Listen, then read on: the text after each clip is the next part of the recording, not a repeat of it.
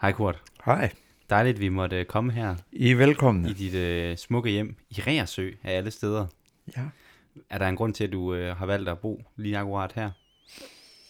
Mm, nej, egentlig ikke på den måde. Øhm, vi havde et mindre landbrug en lang årrække, og da det så af forskellige grunde blev lidt vanskeligt, så øh, skulle vi finde noget andet. Og det, det egentlig mest handlede om, det var, at vi skulle finde et hus, som passede til os. Hmm. Vi havde haft 250 kvadratmeter før, men var kun min kone og jeg tilbage. Vi skal ikke bo på 250 kvadratmeter. Mm. Der var steder i det hus, jeg ikke kom. Altså, ikke? Det er vildt. Mm. Så nu har vi fundet noget her, der passer bedre. I kan se, der er ikke nogen dørtrin, så vi kan skubbe rollatoren, når vi når dertil en gang.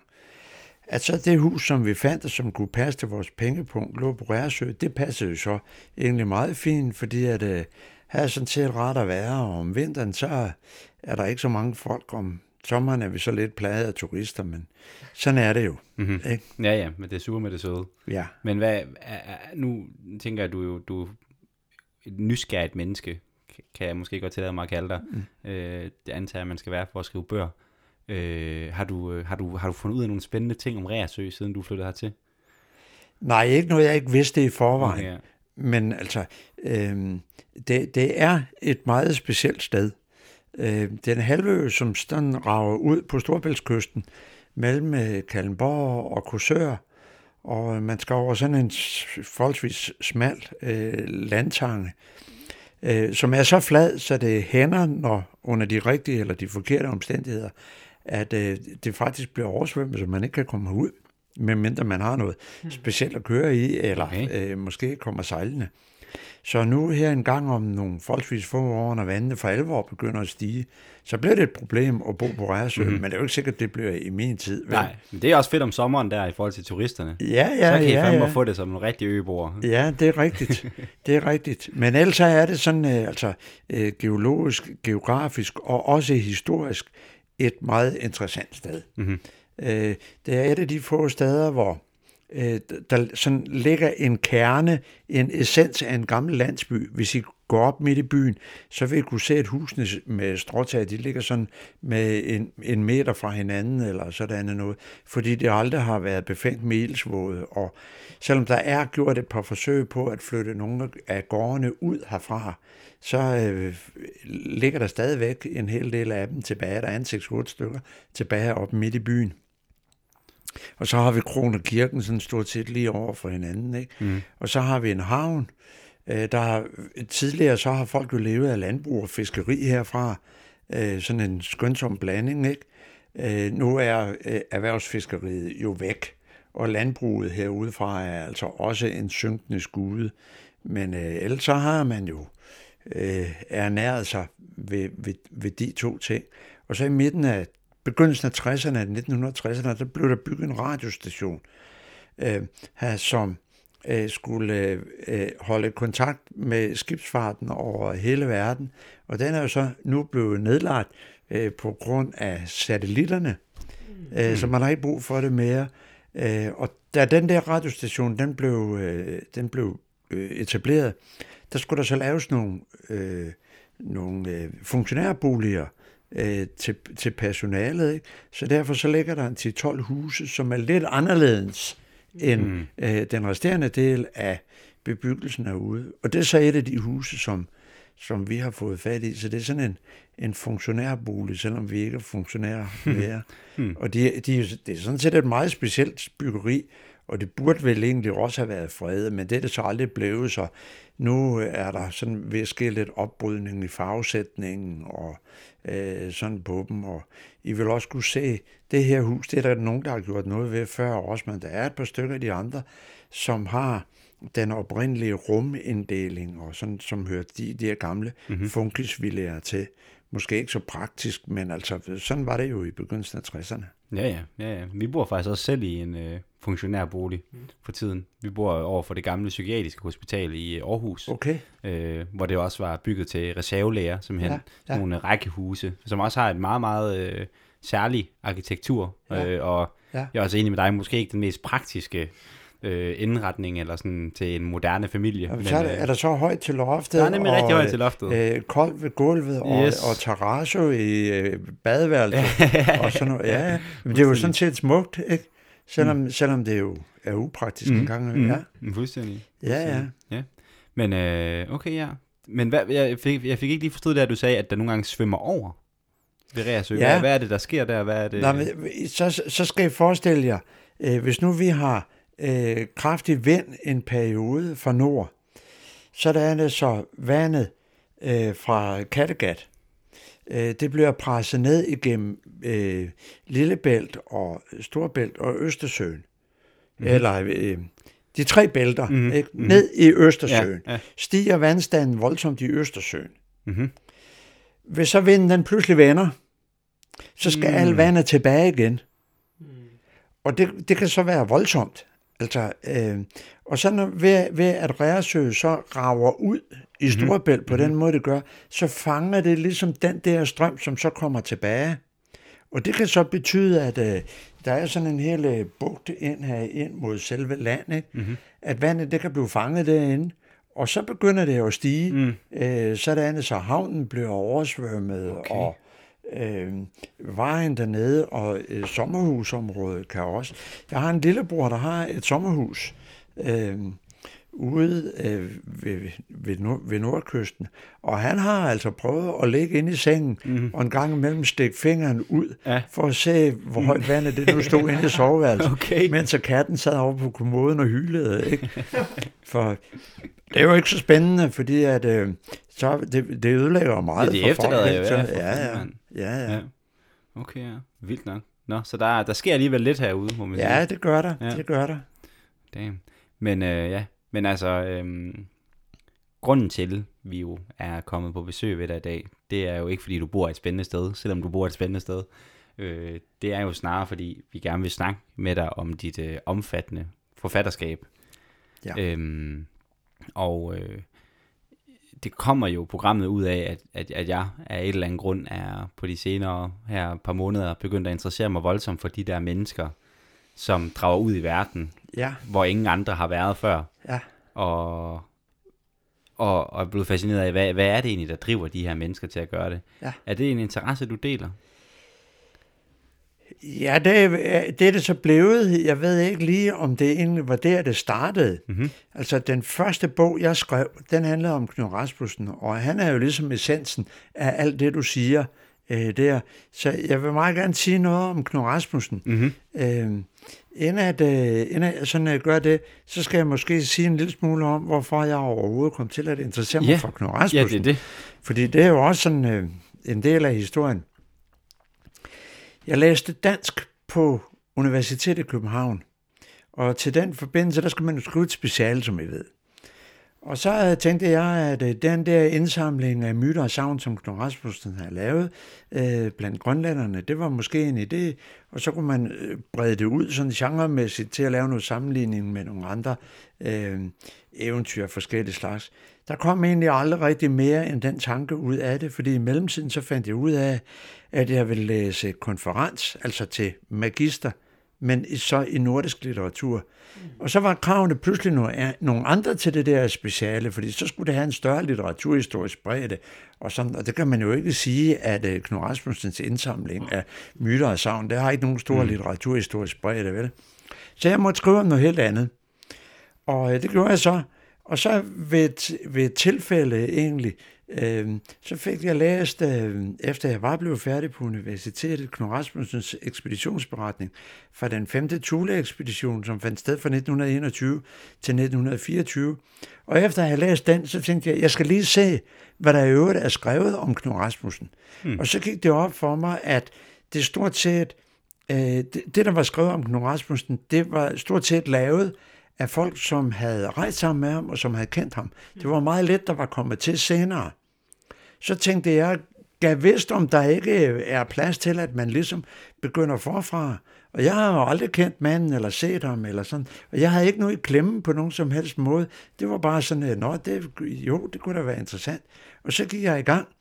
Og så var jeg så heldig, at øh, jeg kom i berøring med hans, den- ene af hans døtre, øh, som stadigvæk levede, og hun skaffede mig adgang til en hel masse materiale, som lå på biblioteket i Hundested. Og sådan efterhånden så udvidede det sig. Øh, og så begyndte jeg bare at skrive, fordi jeg synes, at det var sjovt. Ikke? Ja. Øh, og så gjorde jeg det. Og så pludselig en dag, så havde jeg noget, der begyndte at ligne et manuskript. Og så var jeg så heldig, at der rent faktisk var et forlag, som godt ville øh, udgive det. Mm-hmm. Øh, og det, nå, det var så fint, ikke? Øh, så øh, efter at øh, den bog så var kommet, så spurgte forlaget, som var Rodos, som var øh, noget dengang, så, så sagde de den, hvad så nu? Mm. Og det havde jeg sådan stort set ikke lige tænkt nøje over, vel? Men øh, jeg havde været nødt til, da jeg skrev om Knud Rasmussen, og, og interessere mig en hel del for udviklingen i dansk etnografisk forskning. Og i den forbindelse havde jeg fundet ud af, at vi i Danmark har to meget store autodidakte etnografiske rejsende. Knud Rasmussen er den ene, og Henning Haslund Christensen, som rejste i Mongoliet, er den anden. Og øh, Knud Rasmussen, hvis I bruger det som målstok, han har jo for en led at der ligger noget med omkring 25.000 genstande, i, øh, eskimoske genstande i, øh, i Nationalmuseet. Øh, og øh, Henning Haslund Christensen har lavet en tilsvarende samling. Det er nok lidt svært at sætte tal på, hvor stor den er, fordi at en stor del af det er øh, øh, optagelser af musik og sang fra Mongoliet. Mm så, så sagde jeg til hende, hvad, hvad med at lave en, øh, en bog om øh, Henning Haslund Christensen? Og så sagde hun, ja, det, øh, ja. Så sagde, Jamen, der, det, der er jo, det er der jo ikke nogen, der har gjort før. Nej, nej, det, men hvad så med hofmarschallen? Fordi hofmarschallen, han hed Søren Haslund Christensen på det tidspunkt, og var barn af Henning Haslund Christensen. Ikke? Skulle han ikke skrive en bog om sin far? Så det, det kan da godt være, det ved jeg ikke. Øh, så jeg skrev så til, til hofmarschallen, ikke? og forklarede sådan og sådan og sådan, og, og øh, jamen, det synes han var en god idé. Det ville han meget gerne medvirke til. Og så tog jeg ind til Amalienborg og besøgte ham, og sagde så direkte til ham, hvad, skal du ikke selv skrive en bog om din far? Nej, med den arbejdsgiver, som han sagde, med den arbejdsgiver, jeg har i øjeblikket, der er der ikke tid til at skrive en sådan bog. Så gør du det bare. Og så fik jeg så adgang igennem ham til en hel masse materiale. Altså boede han på Amalienborg? Nej, nej, nej, okay. nej. Der, øh, han har, hofmarschallen har øh, øh, kontorer i det, der hedder øh, det gule palæ, som ligger lige ved siden af Amalienborg. Mm-hmm. Og så har hofmarschallen øh, fået stillet en lejlighed til råde, som ligger ved ridebanen inde på Christiansborg. Mm. Okay. Øh, så, så, så lavede jeg den bog, og det var jo så fint, ikke? Øh, så dengang jeg skrev på, på Knud Rasmussen, der var jeg klar over, at der inde i den historie, der ligger flere historier, som måske godt kunne uh, trænge til at blive fortalt.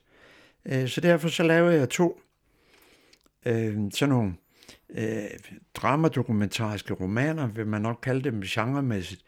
En, som handler om den øh, danske litterære øh, Grønlandsekspedition, som var den rejse, som satte Knud Rasmussen på skinner, og den gik jo fra øh, op over Melvillebugten, altså vi er på Grønlands øh, vestkyst, ikke? op over Melvillebugten med hundeslaget, op til Polariske øh, og tilbage igen. Og der, på den måde så bragte man øh, de der øh, grønlænder i forbindelse med hinanden. Der havde ellers ikke direkte været nogen øh, adgang før. Okay. Det var den ene af de der historier. Mm-hmm. Den anden historie, den øh, kom så til at hedde Æderfuglens Rejse, og den, det er også sådan en dramadokumentarisk roman, som handler om den femte Thule-ekspedition. Og øh, den femte Thule-ekspedition fandt sted fra 1921 til 1924.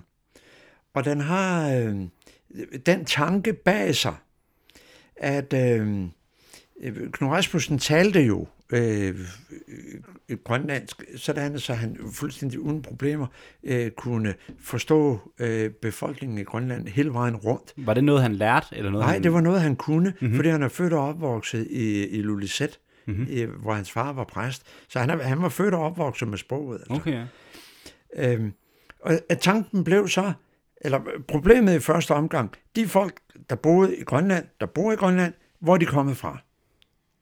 Øh, Når de er kommet vandrende fra over fra Kanadas siden, og så helt op i det nordligste Grønland, hvor strædet ikke er ret bredt, der er de simpelthen vandret over isen, og så er de delt, så nogle er gået nord om Grønland og ned langs med østkysten, og nogle er gået ned langs med vestkysten, og så har de sikkert mødtes øh, ned på Grønlands sydspids. Og det sker der nogle gange. Det er lidt kompliceret at gøre redde for de der indvandringer i, i Grønland, men det kan godt lade sig gøre, men så er det ikke nok med eftermiddagen her, hvis vi skal det også.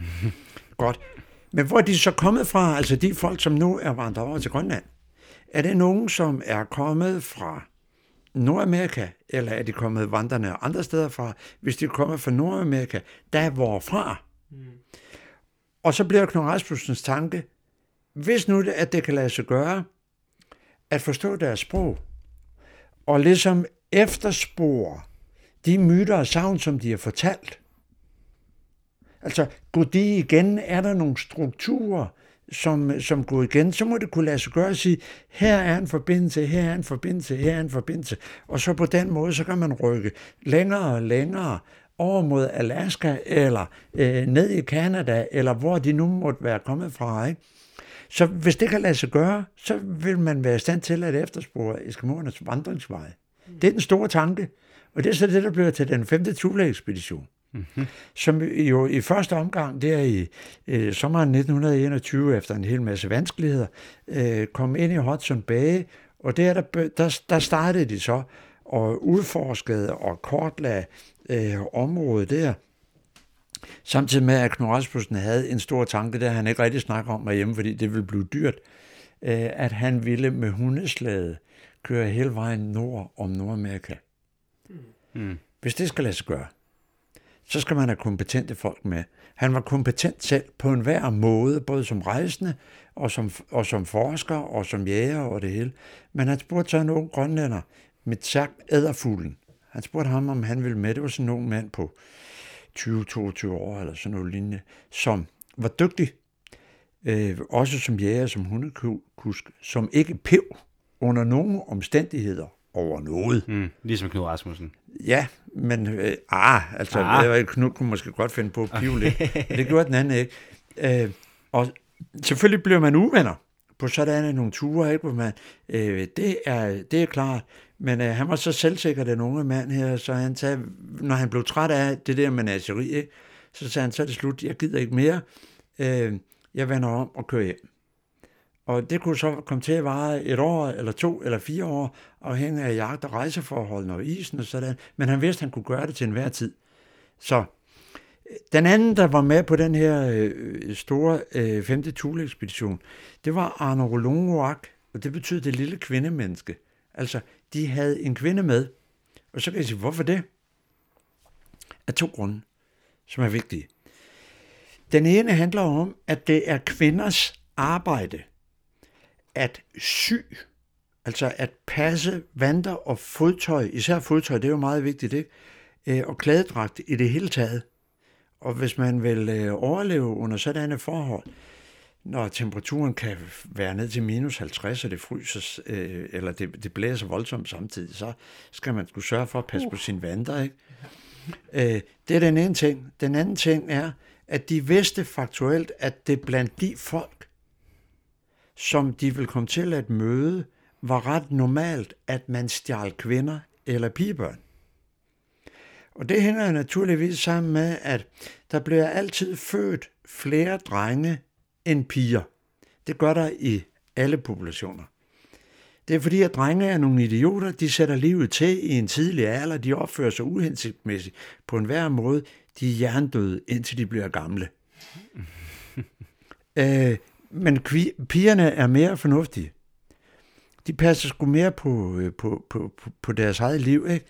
Samtidig med, at der kommer så også til at gå øh, længere tid for pigernes vedkommende end for drengenes vedkommende, før de kan komme til at bidrage fornuftigt til, øh, til kulturen, til stammen. Så hvis der så blev født for mange piger, så var det ret almindeligt, at man simpelthen aflevede dem ved fødslen. Ja, jeg kan godt forstå, at du er I rynker panden begge to. Jamen ved hvad, det er jo fordi, at vi lever i sådan en, øh, i sådan en kultur, som vi gør, hvor øh, næstekærlighed og øh, småbørn. Vi har ovenikøbet en statsminister, som er børnenes minister, siger hun.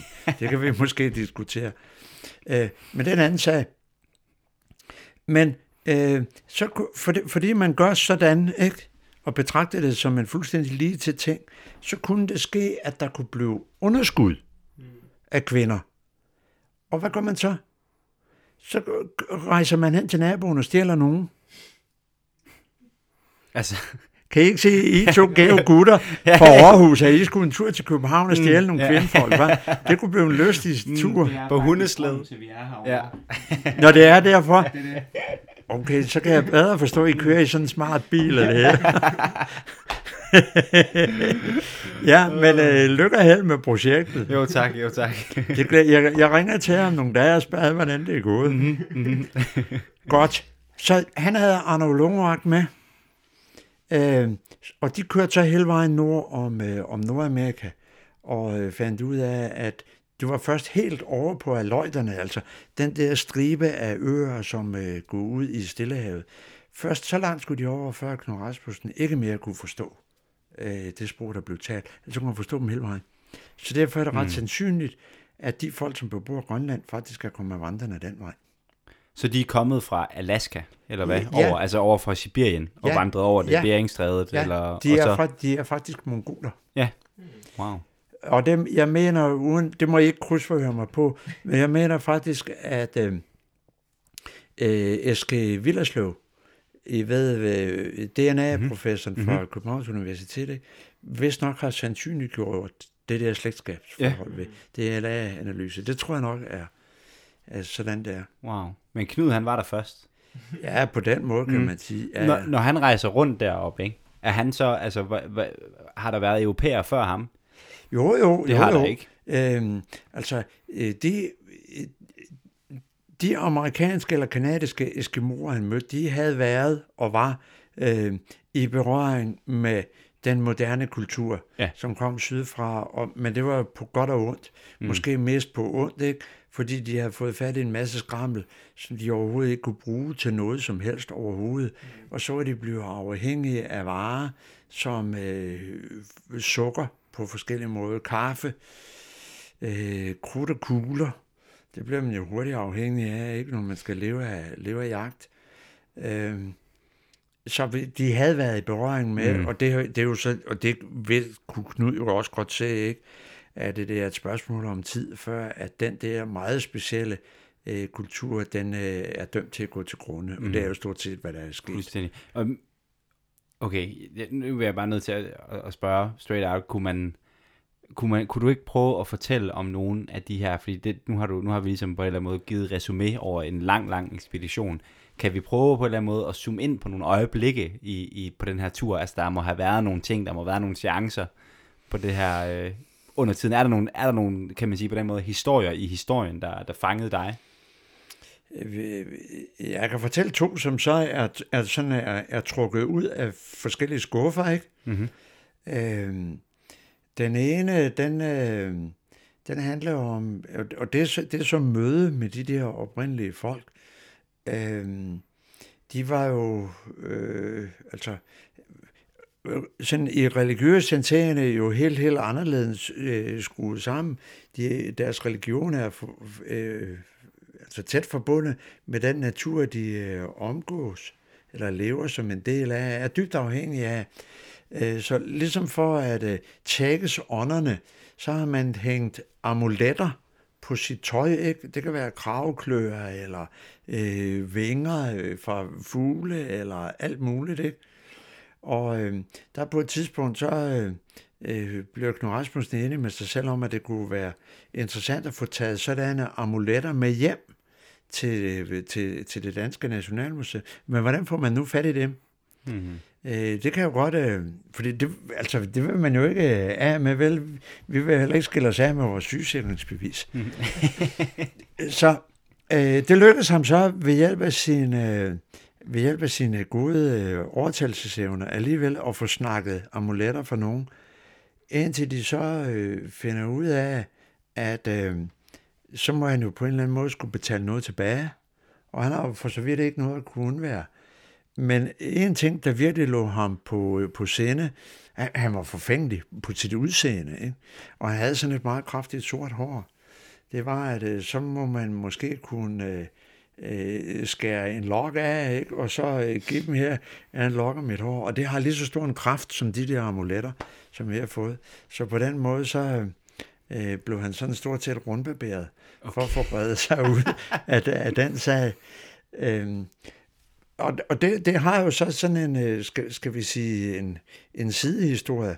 Altså nu lyder det sådan meget kuriøst, men det fortæller også noget om, at når man på den der måde samler etnografika sammen og slaver det med til Vesteuropa, i det her tilfælde til København, for at udstille det, så er det jo en ganske bestemt måde, hvorpå man forholder sig til den verden, man rejser ud i på. Ikke? Øh, altså, vi gemmer vores viden i bøger og på museer, øh, hvorimod at øh, de der folk, som, jeg rejste med, de, de kunne for eksempel slet ikke forstå øh, trangen til at tegne kort. Hvorfor det? Altså, den unge mand der, æderfuglen, ikke? Han, kunne, han kunne simpelthen ikke få ind i sit hoved, at det skulle være nødvendigt at tegne kort. Kan man ikke bare huske, hvor man har været? Mm. Svært er det jo ikke. Mm-hmm. Øh, men altså, i vores verden, vi er jo, øh, vi, vi tænker slet ikke sådan, vel? Og hvis jeg skal finde rundt nu i Aarhus og lede efter det næste værtshus, hvad gør jeg så? Jamen, så tager jeg mobiltelefonen, ikke? Og Google Earth, eller hvad nu det er, jeg finder på. Maps hedder det vel, Google Maps. Mm. Og så kan jeg finde rundt fra det ene sted til det andet, i stedet for at kigge op og ud i verden og se, hvad det er, vi er. Så jeg kan sige, at uh, alle de bogøvler, der er her, det ser fint ud, ikke? Men det spærrer sgu også for udsynet. Mm. Eller indsynet, kan jeg måske sige. Ikke? Mm. Og på den måde er der måske ved den måde, vi, vi opsamler og akkumulerer viden og viderebringer den på, øh, så har vi måske mistet så meget. Men nu er I jo studerende begge to. Prøv, prøv, prøv at sige det næste gang, skal, I skal til eksamen på Aarhus Universitet, så kan det godt være, at det kommer til at gå af halvdårligt. Ikke? Mm. øh, nå, men det er sådan, et, det er sådan et, et, et, et sidespring. Ikke? Den anden historie, nu er det sådan en anden øh, skuffe, jeg, mm-hmm. jeg tager ud. Den handler om, at øh, de var jo øh, afhængige af jagt øh, hele vejen, og på et tidspunkt så begyndte det at knive med ammunitionen. Der var kun sådan lige en lille håndfuld patroner tilbage. Og hvad så? Så sker der det, som er fuldstændig usandsynligt. Og det er, at de får øje på et skib. Og det svarer sådan til en, sådan en god stor lystbåd. Mm. Som var kommet sejlende, faktisk, I skulle forestille jer, Nordamerika, men om fra, fra Alaska-siden, og så så langt ind, som de nu kunne, og øh, Knud Rasmussen går så ombord, så er det en, en, en gal svensker, der hed Peter Norberg, tror jeg nok, så vidt jeg husker, og en kok ned fra Præstø, mm. som var i gang med, at øh, selvom de kunne komme igennem isen, ikke? Hvad, hvad de jo så aldrig kom, men skidt nu med det. Og så bliver Knud Rasmussen, han kommer ombord, ikke? og øh, vil sidde ned, og der er ikke rigtig noget at sidde på, så han hiver en kasse frem, og så sætter han sig det, og så bliver han trakteret med en stor cigar og få ild på den der cigar, og så sidder de der og damper og snakker, ikke? Og så øh, siger Knud så til dem, hvad... Øh, altså, det kniver lidt øh, med, med vores patroner, fordi og vi er jo dybt afhængige af det, og der er jo langt til den nærmeste by. Det handler måske om en hel måned, altså. Øh, så vi, øh, det er vel ikke sådan, at så I har nogle patroner? Jo, jo, de har for så vidt masser af patroner, men så er det lige med kaliberen. Altså, hvad er det for nogle patroner, vi snakker om? Og så, så nævner, nu kan jeg ikke huske, hvad det var for noget. Øhm, så nævner han så kaliberen, efter at øh, ham der kokken nede fra Præstø siger, men ved du hvad, hvis nu du rejser dig op og åbner låget på den kasse, du sidder på, mm. så kan du bare tage lidt så mange, som du gerne vil have. Hold nu Altså, det er jo helt... Ja, ja, men det er kun sådan noget, der kan ske, når du kaster dig ud i ja. nogle voldsomme rejser. Rane Villerslev, han snakker om, der er det kommet et nyt podcast med ham, ja. der hedder Med fire patroner på lommen, ja. hvor han... Øh, som jo så, der er navnet, øh, kun har fire patroner på lommen, hvor han er fuldstændig, du ved, lost ude i den sibiriske ja. tundra. Ja. Øhm, hvor han så smider sådan en, øh, der, der er så på et tidspunkt, hvor han skal krydse sådan et, en, øh, en flod, og der er så sådan nogle varmelommer under isen åbenbart, og det er jo meget sådan de, de, de ledende dødsårsager derovre, ikke? at folk de simpelthen går ud på isen, og så falder de igennem, fordi der er nogle steder er mikroskopisk tyndt, og andre ja. steder ligesom er flere meter tyk is. Og så er det så, at han på et tidspunkt går, og så begynder han at høre, at isen begynder at sprække, og så er det så, at han har fået den her patron, den vælger han så at ofre til ja. ånderne, smider ja. den her patron ned ja. på isen, og ja. så stopper isen. Og det virker jo sådan fuldstændig usandsynligt, du ved, at det kunne ske, ikke? At, altså sådan, at han tager det jo som en religiøs tegn, ikke? At, at ånderne rent faktisk findes, og ånderne reddede ham. Men det der, den der historie, altså kunne der ske noget mere usandsynligt? Altså hvor, hvor sandsynligt er det, at der kommer en båd sejlende derude, og de så har de patroner, man skal bruge? Altså det er jo fuldstændig... Øh, øh, jamen, øh, øh, måske er det fordi, at det, det der sandsynlighedsbegreb jo er... Hva, har, har I prøvet at spille tennis? Mm-hmm. Der, der kan vi også en gang imellem tale om, at man kan være svinsk heldig. Mm-hmm. Ikke? Altså, man slår til en bold, og så tager den lige netkanten på en sådan måde, så den lige når at trille over. Ikke? Mm. Og så kan jeg sige, det kan, det kan jo ikke lade sig gøre. Jo, men ved I hvad, man kan faktisk godt, ens ønske om, at det der, det kommer til at ske, mm. kan faktisk være så intenst, ikke? Mm. Som man ligesom kan få sådan en helt fysisk oplevelse af, eller fornemmelse af, at jeg kan tænke bolden over. Mm-hmm. Men nu bevæger, nu bevæger jeg mig ind i nogle erfaringsområder, mm. Eller et videnssæt, som, som øh, er også fuldstændig fremmed. Ikke? Vi siger, mm. det er sgu for, det er ikke sandsynligt. Det kan ikke lade sig gøre, vel? Men der er jo rent faktisk eksempler på, at der er mennesker øh, andre steder på jorden, som er i besiddelse af vidensmængder, som vi har brugt de sidste 4, 5, 600 års kulturhistorie på ligesom at afskære os fra, eller udgrænse os fra. Mm-hmm. Og det vil, altså, hvis, hvis det vi snakker om her også er nogle af de her etnografiske rejsende, så er der nogle af dem, som har været i berøring med med vidensområder, eller med folk, Knud Rasmussen, shamaner, eller øh, Herslund ude i, i, i Mongoliet, folk, som bare simpelthen har vidst noget andet, eller har kunnet noget andet, mm-hmm. end det, som vi kan. Det kan godt være lidt skræmmende, synes jeg. Mm-hmm. Men også dybt fascinerende. Ikke? Blev, blev Knud Rasmussen overbevist? Om? Om åndeverdenen, eller om at de her videnssæt... Jamen, det var han havde, jo sådan set aldrig nogensinde i tvivl om. Okay.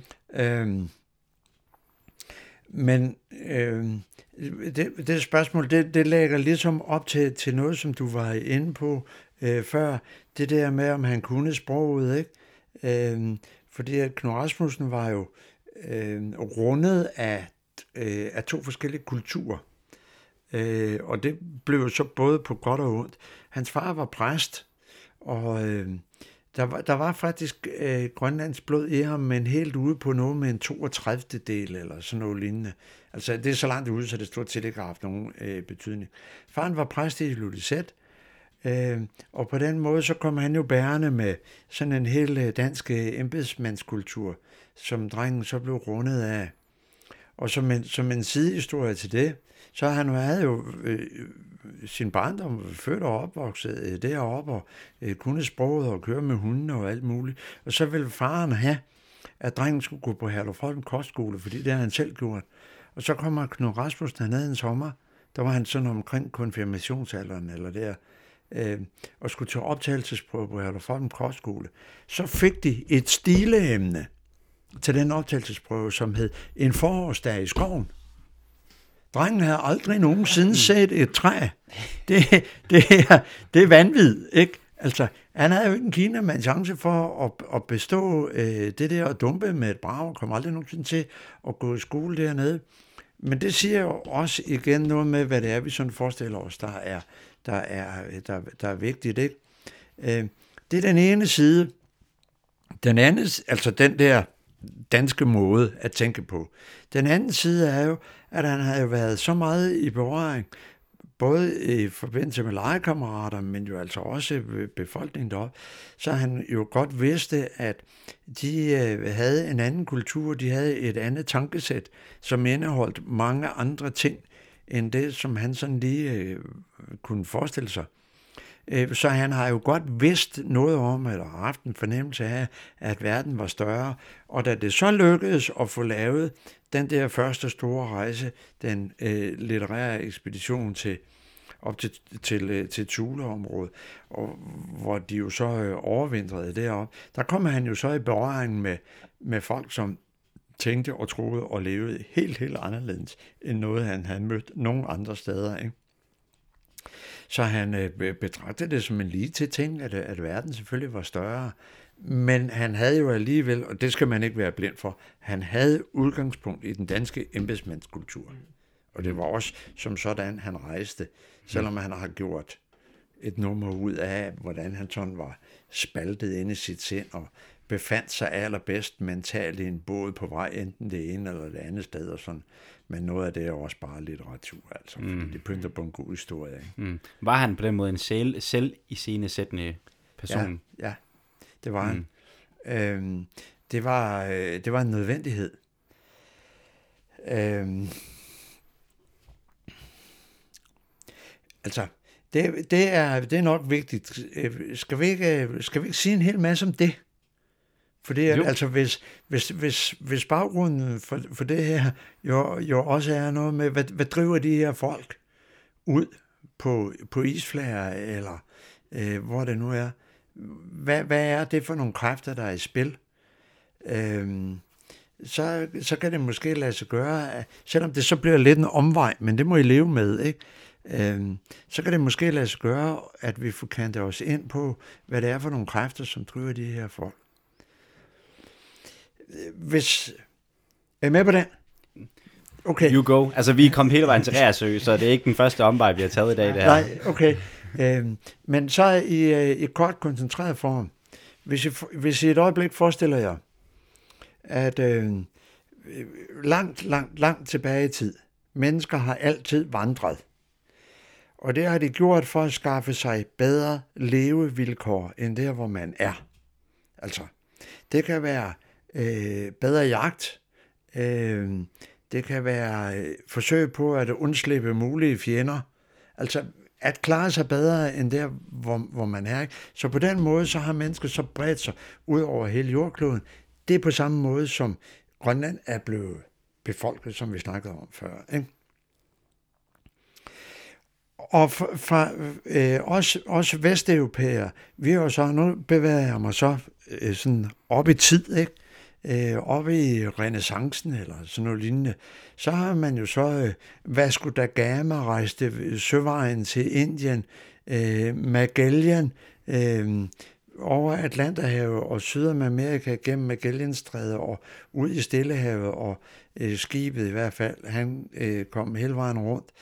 Øh, Vitus Bering fra Horsens, øh, for en led af Peter den Store, rejste tværs over Sibirien og øh, sejlede op i øh, bygge skibe og sejlede op i Beringstrædet og sådan. På den måde, så øh, har vi jo haft mange store opdagelsesrejser.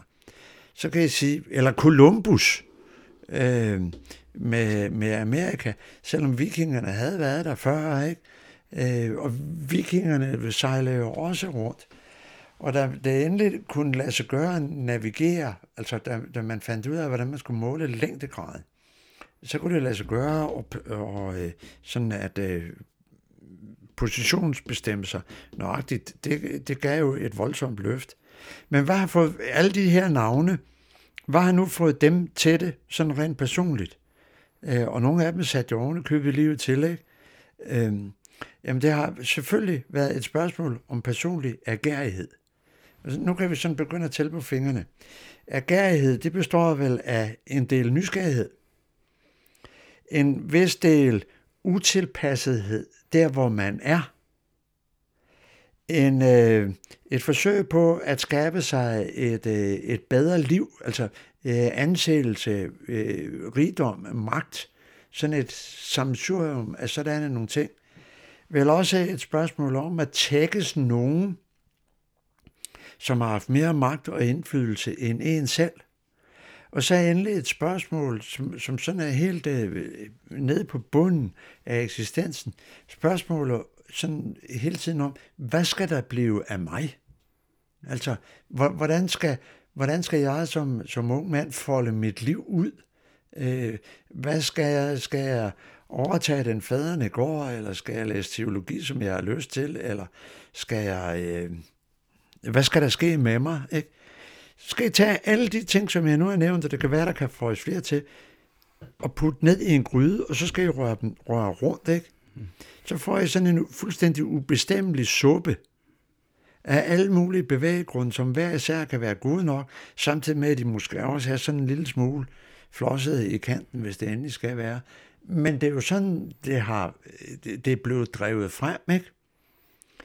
Og så er der et, øh, et, et eksempel, jeg i hvert fald kender til, hvor det måske så ikke lige var sådan. Og det er øh, rejsen til det lykkelige Arabien, som Torkel Hansen jo skrev en, øh, en roman om. Ikke?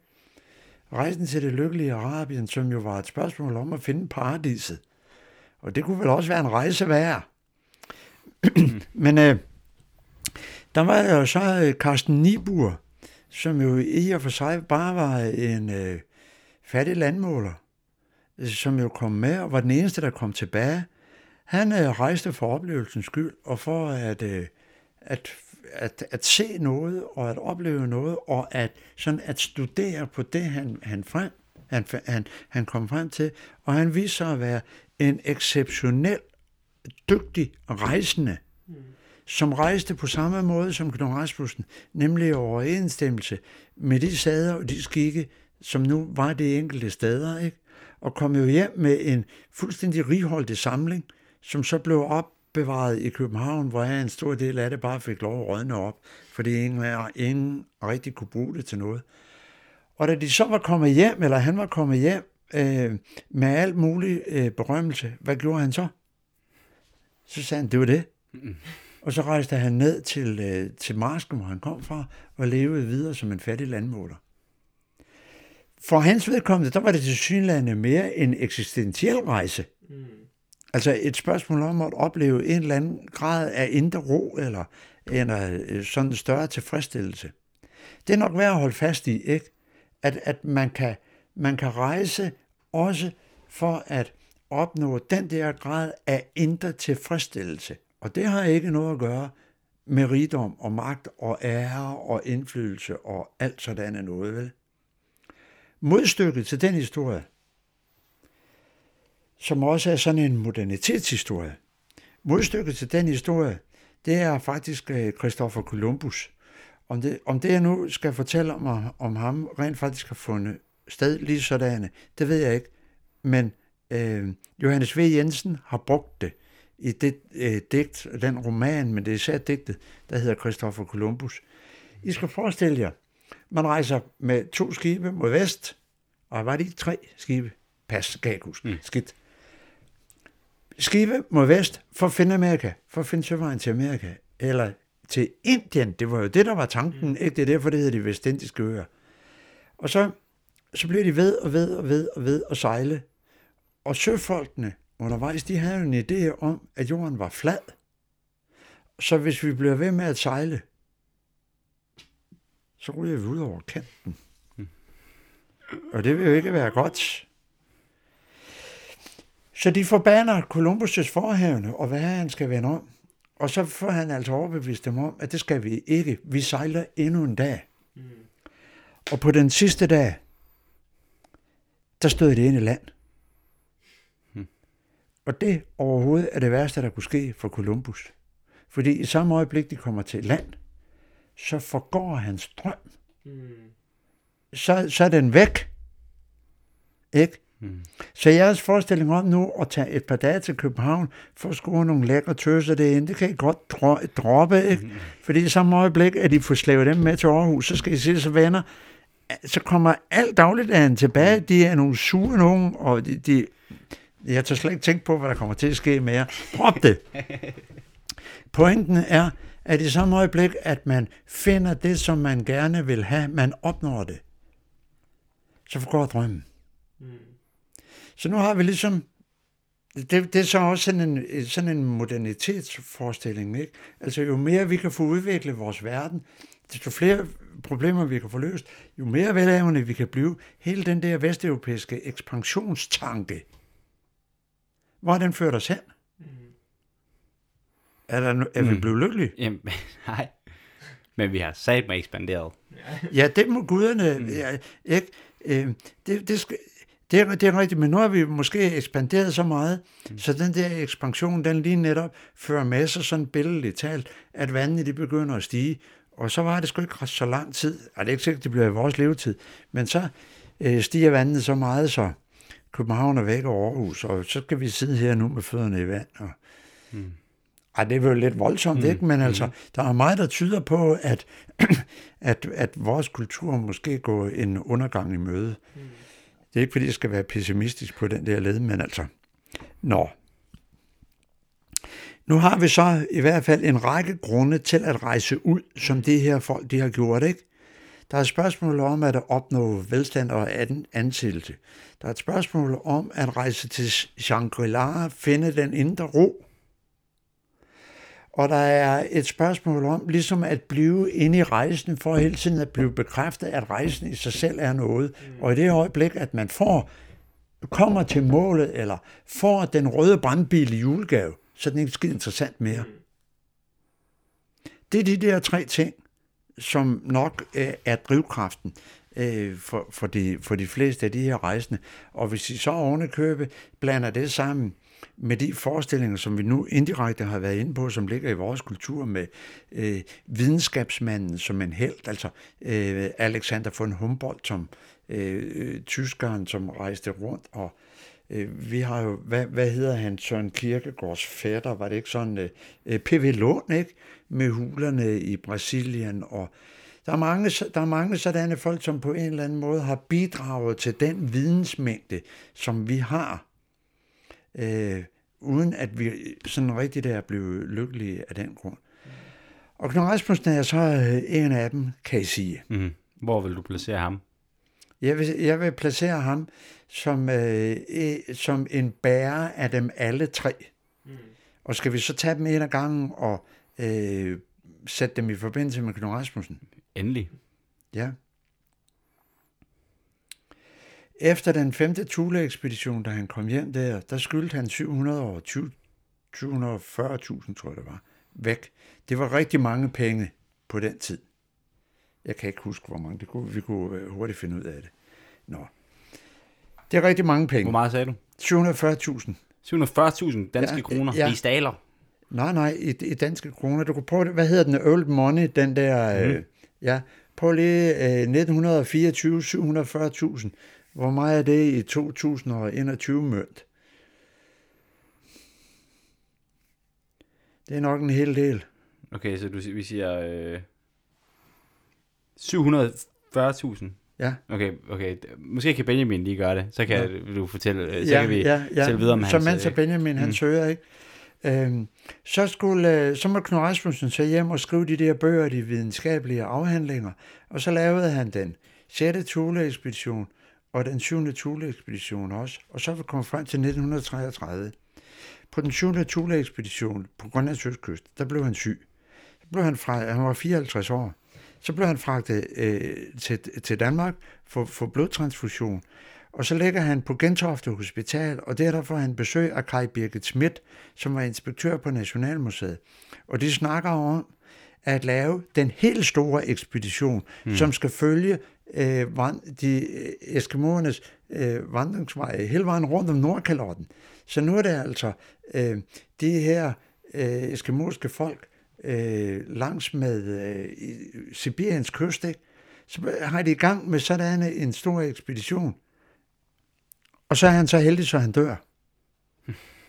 Ja. Øh, Det er den heldig. 21. december, ikke? Så det blev aldrig nogensinde til noget. Mm. Men da han var færdig med den femte Thule-ekspedition, der havde han jo sådan set opnået det, som han gerne ville. Og i samme øjeblik forgik hans drøm. Hmm. Så du, hvis du ser billeder af ham, ikke? Så ligner han jo noget, som ingen ville kaste en 5 kroner efter på det der tidspunkt. Han er fuldstændig udmarvet. Altså selvfølgelig har det været fysisk hårdt og alt det der, men det er også et spørgsmål om, at der nu er sket noget inde i hans hoved. Ikke? Drømmen er væk. Mm-hmm. Hvad skal vi nu rejse på, eller hvad skal vi rejse efter? Så kan du, øh, det, det, det er så den ene ting, ikke? Den anden ting er, øh, det der med, med rigdom. Benjamin, hvad fandt du ud af? Hans skyld. Er vi klar? Har I nogen bud på, hvad det vil svare til i dag? Oh. Ej, Jeg det, siger 5 millioner. øh, det tror jeg ikke kan gøre det. Det kan overhovedet ikke gøre det. Det var svare til 194 millioner 620.000 kroner i dag. Hvordan, kan det, hvordan giver det mening? Hvordan kan man skylde så mange penge væk, når man bare har rejst rundt? Øhm, nu ved jeg, det, det lyder altså også lidt, øh, det lyder lidt voldsomt. Ja. Forkert hovedregning. Men lad os bare sige, det er 10 millioner. Ja, et eller, et eller andet. Ja. Skidt, skidt nu med det. Rigtig mange penge. Jamen, øh, altså, de har, der er grænser for, hvor mange penge de har brugt, øh, mens de har rejst rundt derop.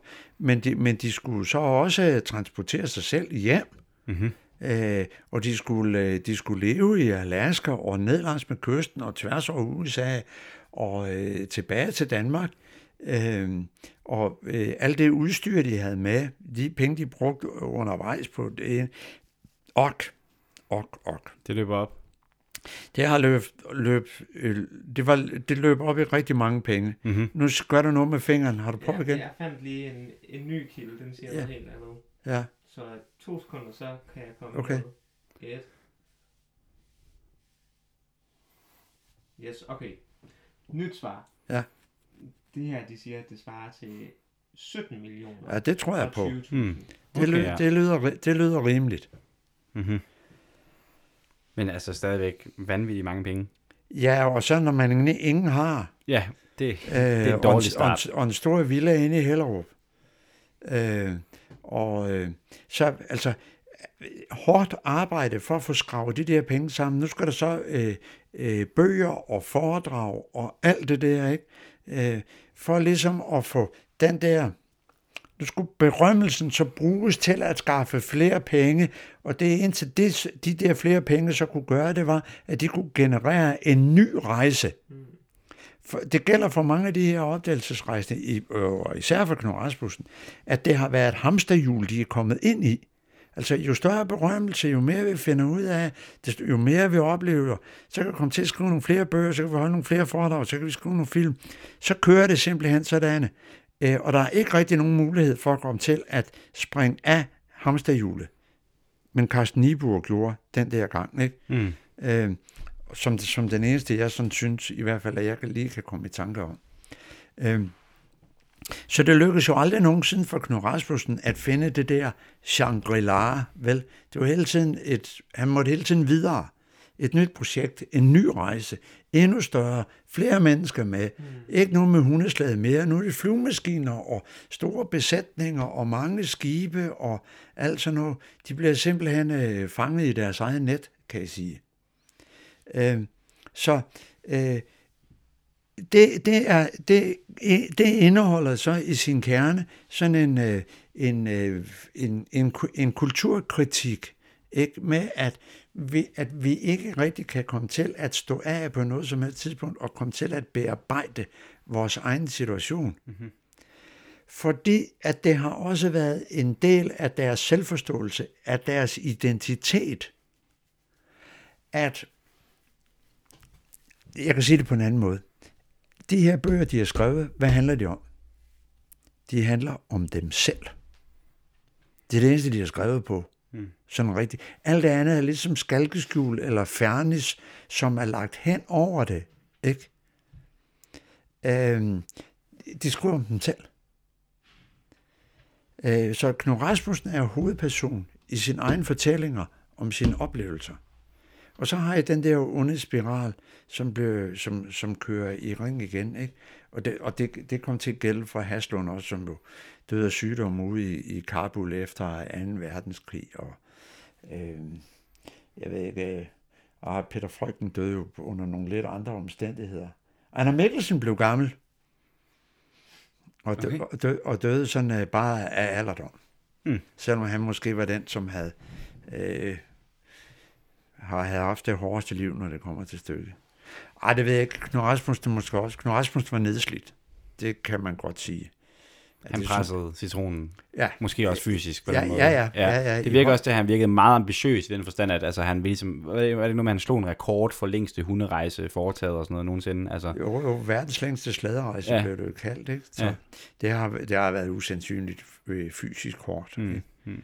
Så Tror du, han var en, altså, var han en lykkelig mand? Altså, det lyder som om, at du var, han var opdagelsesrejsende, han oplevede meget, men at den skæbne i, i og for sig egentlig er det forholdsvis ulykkelig, fordi det skaber en afhængighed, og når du kommer hjem, er der ligesom et tomrum. Så ja, nej, det tror jeg ikke. Mm. Øh, og det, det, er jo den der, det er jo den der hamsterbevægelse. Altså, meget, meget kunne, i og for sig, så har han jo opnået alt det, som langt de fleste gerne ville. mm. Ikke? Altså, øh, ære, indflydelse, berømmelse, øh, penge. Og, altså, han havde vel sådan et lidt lemfældigt forhold til penge, og brugte meget gerne af andres og sådan. Men i hvert fald så var spørgsmålet om penge jo ikke noget, der på den der måde generede. Så, så det var han sådan ligesom fri for, ikke? Og han var jo, han var, han var øh, godt øh, gift og sådan, og øh, udover det, så havde Knud Rasmussen jo sit kølvand, en, øh, en flok af yngre øh, øh, smukke kvinder. Øh, så på den måde, så manglede der jo heller ikke noget. Han var, skulle have været vildt charmerende. Øh, så på den måde manglede der ikke noget. Så efter alle almindelige sådan former for målstok, du kan finde på, så ja, Mm men svaret er jo så alligevel nej.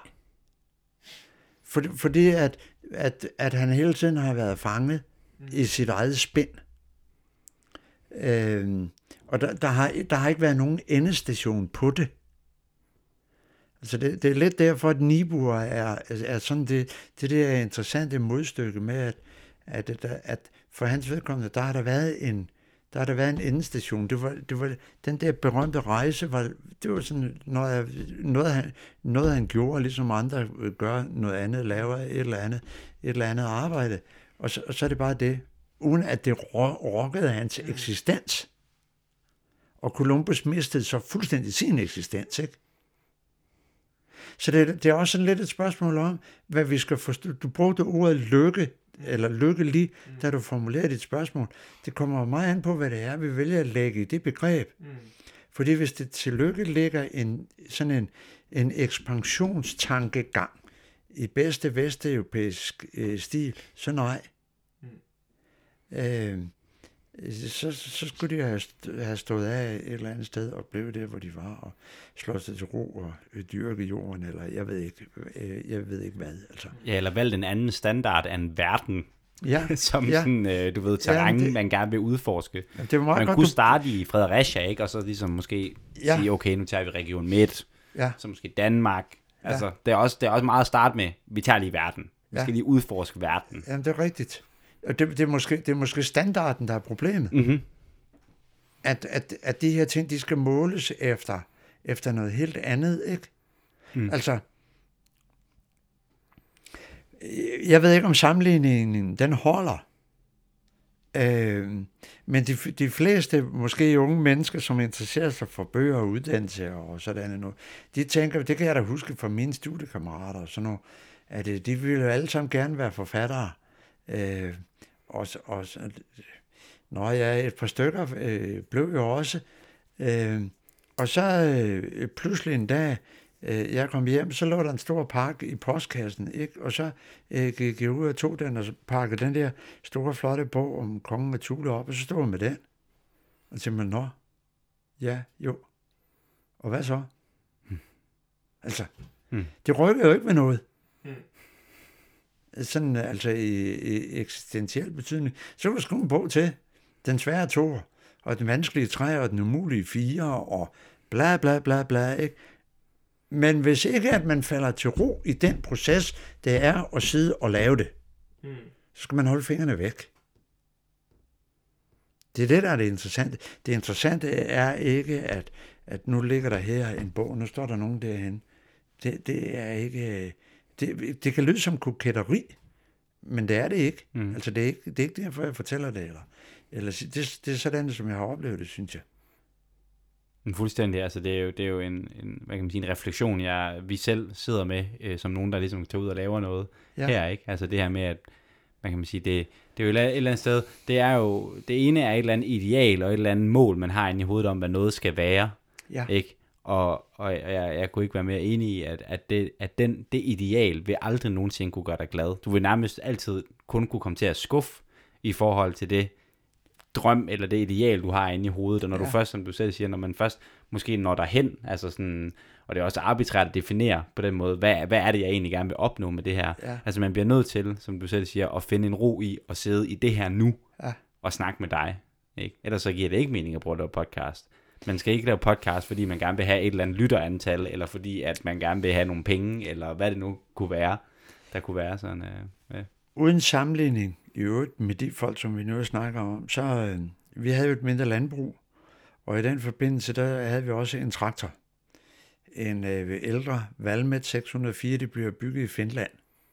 Mm-hmm. Og så tænkte jeg en dag, hvad er der til hinder for, at vi sætter en gammel campingvogn efter traktoren, og så kører til Nordkap, op igennem Sverige, og så vender karaten deroppe, når vi står og kigger lidt ud over Barentshavet. Og så øh, kører ned gennem Finland hjem og besøger fabrikken, så kunne den traktor nu se og opleve øh, sit udgangspunkt. Og så øh, sejle over til Stockholm og så igennem Sydsverige hjem. Hvad, hvad skulle der være til hinder for det?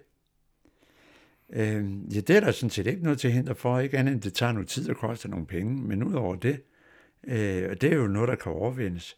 Så yes, det gør vi. Så er der nogen, der har sagt, sådan et projekt, det, det er da fuldstændig åndssvagt.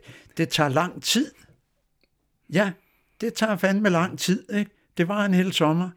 Hvor stærkt kan sådan en traktor køre? Åh, 22 km i timen, eller sådan noget lignende. Det er da fuldstændig gang i loven, mand. Du kunne da have gået ud og startet Mercedesen, der kan køre i hvert fald 122 km i timen, hvis det skal være, uden problemer. Ikke?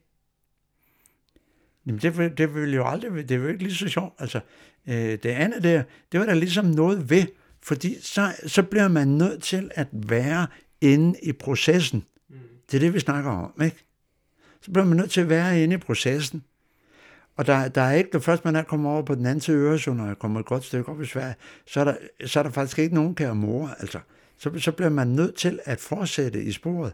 Og det synes så, så er det jo også sat i værk, og der er ligesom nogle andre, der har troet på det, og kastet sponsorpenge efter det, og en aftale med fabrikken op i Finland, og bla bla bla bla. Så bliver jeg nødt til at gøre det. Okay, så gør jeg det. Så da jeg snakkede med, med de der finder derovre, øhm, så var der så en af dem, der sagde, hvad, Øh, hvad så nu, når du kommer hjem? Så foreslog jeg ham, at jeg kunne køre til Hirtals.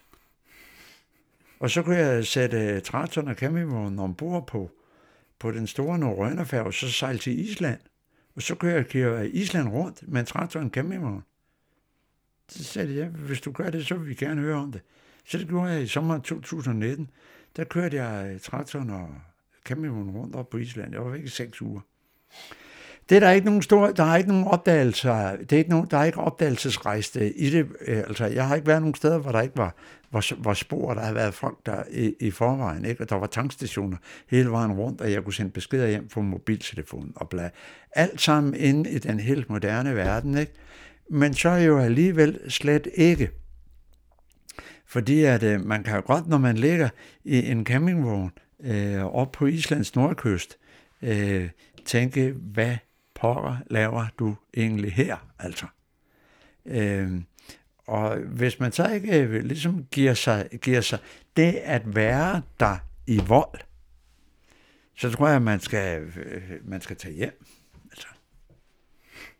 Så Ja. øh, det, gjorde, det gjorde jeg så. Jeg, jeg kørte rundt sådan. Men det er slet ikke det, vi skal snakke om. vel? Jeg synes, det er fantastisk at snakke om. Nå, Du har nok i hvert fald verdensrekorden for længste tur med, tra- med traktor og campingvogn, kunne jeg forestille mig. Så på den måde er der lidt Knud Rasmussen over det, tænker jeg. Ja, nej, der er vist, der er vist nok noget med en hollandsk pige, Hmm. øh, som kørte ned til, øh, til spidsen af Sydafrika. Øh, og så stod hun dernede og glo over vand og tænkte på, nu er jeg havnet i en fælde, ikke? Fordi at, øh, hvad så? Og så tror jeg nok, at men hvis nu det her ikke er faktuelt rigtigt, så må I ikke... øh, Men jeg tror nok, at hun fik overtalt Massey Ferguson, altså det, den engelske traktorfabrik, til at kaste mange penge i det. Sådan så de sejlede fire store, moderne traktorer til Antarktis, og så kørte de til Sydpolen. Og så, så blev det altså et spørgsmål om noget udvikling af de der maskiner, fordi så var der ingeniører og måleinstrumenter og alt muligt med for at se, hvad de der traktorer de kunne. Men altså, så er hun jo for så vidt ligegyldigt, eller lige vidt, ikke? Fordi hvad så, når hun står på Sydpolen? så, så er det op til Island. Ikke? Så, kan, så, kan, så, så, så kan man jo ikke nemt komme... Øh, Nej, øh, nej, så, mm. så øh, altså man skal også passe på de der fælder, ikke? Mm. Fordi jeg er blevet spurgt ad bagefter, nu er jeg kommet hjem. Hvad, hvad så? Altså, hvad skal, hvad skal der nu ske? Hvor, hvor skal du hen næste gang? Jeg skal ikke nogen steder på den måde. Med det setup. Fordi nu har jeg gjort det. Mm. Ellers så vil det bare blive en dårlig joke, eller altså en, sådan en, øh, en gentagelse af sig selv. Mm, mm. Det kunne være sjovt, hvis, at ligesom, hvis nu, jeg ved ikke, om du nogensinde tænker i den slags bane omkring arv, men at din arv bliver, at du var ham, der kørte til Finland i en Om det traktor, var, det var og begyndt. dine forfatter, de bare, din, din bøger, det, det, det, men det, Jo, det, var- det var fa- rent faktisk begyndt at genere mig. Ikke? Mhm. Altså, at hvis jeg kom herned på havnen, så kunne, finde på, så, find, så kunne folk finde på at sige, hvad, har du ikke traktoren med? Nej, det har jeg ikke.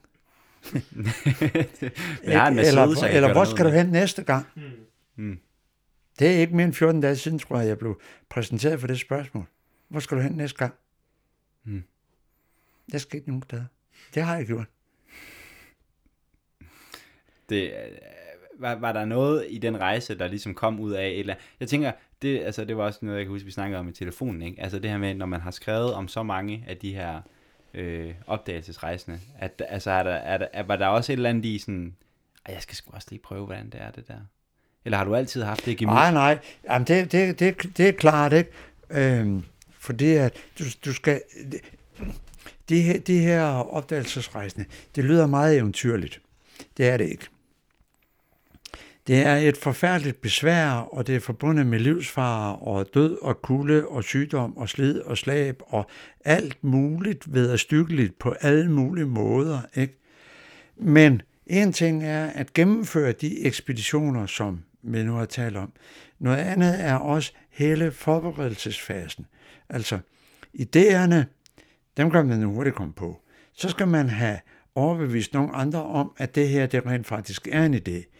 Så skal man have nogen til at betale for det, fordi det er jo, øh, altså der er en af de her folk, som var i stand til at mobilisere pengene selv, vel? Så skal man have nogle andre, altså folk, som har penge, så skal man have dem til at betale.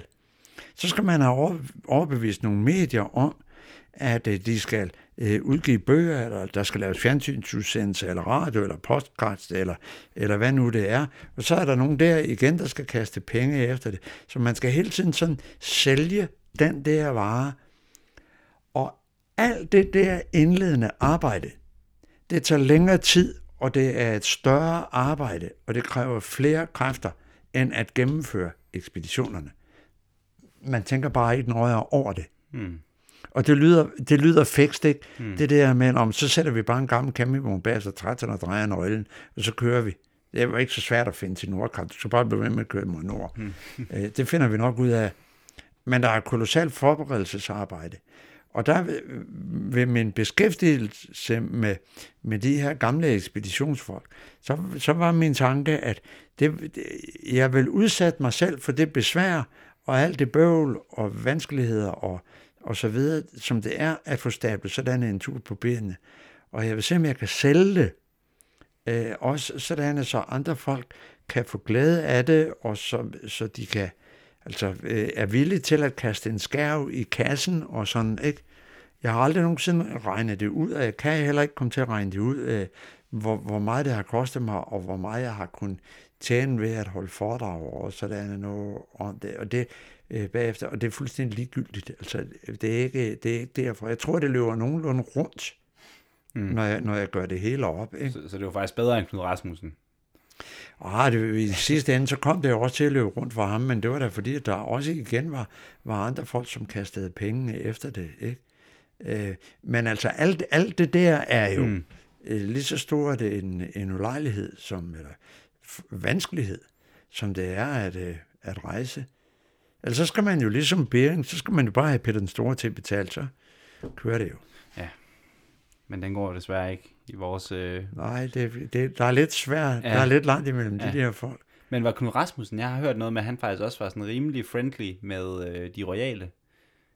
Jeg synes, jeg engang så en dokumentar, hvor Margrethe den, øh, Margrethe den anden sagde, hun havde nogle samtaler med ham og sådan noget. Han havde, var der ikke nogen øh, forbindelse? kongehuset. Ah, det er ikke... Jo, jo, altså, øh, man har hilst venligt på, og alt det der, og øh, æresdoktor ved Københavns Universitet, og øh, ligesådan ved øh, universitetet, eller et af universiteterne i Skotland.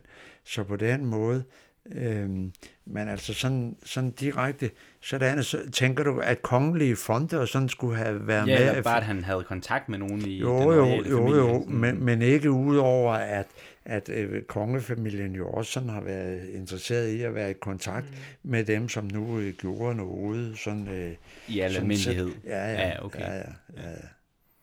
Så øh, jeg skal lige se, øh, ved hvad jeg, jeg har rent faktisk øh, haft øh, gjort mig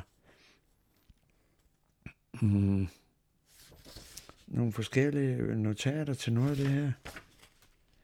Ved hvad, det kan godt være, jeg tror, det er løgn, men jeg har rent faktisk forberedt mig. Nej. Jo, ved, ved hvad, der er faktisk en sidehistorie, øh, som, øh, som, som vi skal ind på, og som øh, også er en del af bevæggrundene. Jeg tror, at øh, det, det, det bedste sted måske er ved at øh, snakke om øh, Norge. Mm-hmm. Øh, altså, Norge var, var jo dansk, ikke? Øh, indtil det så øh, ikke var det mere efter fredsafslutningen i Kiel i 1814. Og så skulle Norge så, øh, altså alle de der forskellige historiske forviklinger, øh, det er ikke vigtigt nu, men da, øh, da, da Norge ligesom skulle manifestere sig som en selvstændig nation, havde skabt sin egen identitet, sin egen selvforståelse, så var en af de ting, der kom til at ske, det var for det første Fritjof Nansen, som om nogen har været en exceptionelt dygtig arktisk rejsende. Altså øh, tværs over Grønland øh, på, øh, på is. Manden uden retrætelinjer øh, blev han kaldt, fordi han lå sig sejle til østkysten og havde to øh, øh, samer med, og så øh, gik de mod vest, fordi han, han sagde, at man skal gå til der, hvor der er hjælp at hente. Man skal ikke gå den modsatte vej. Mm-hmm. Og det er jo en fuldstændig ret i. Ikke? Og så er der det der med at lade sig fryse ned med, med skibet frem op i, op i Nordkalotten og lå sig drive rundt deroppe. Ikke?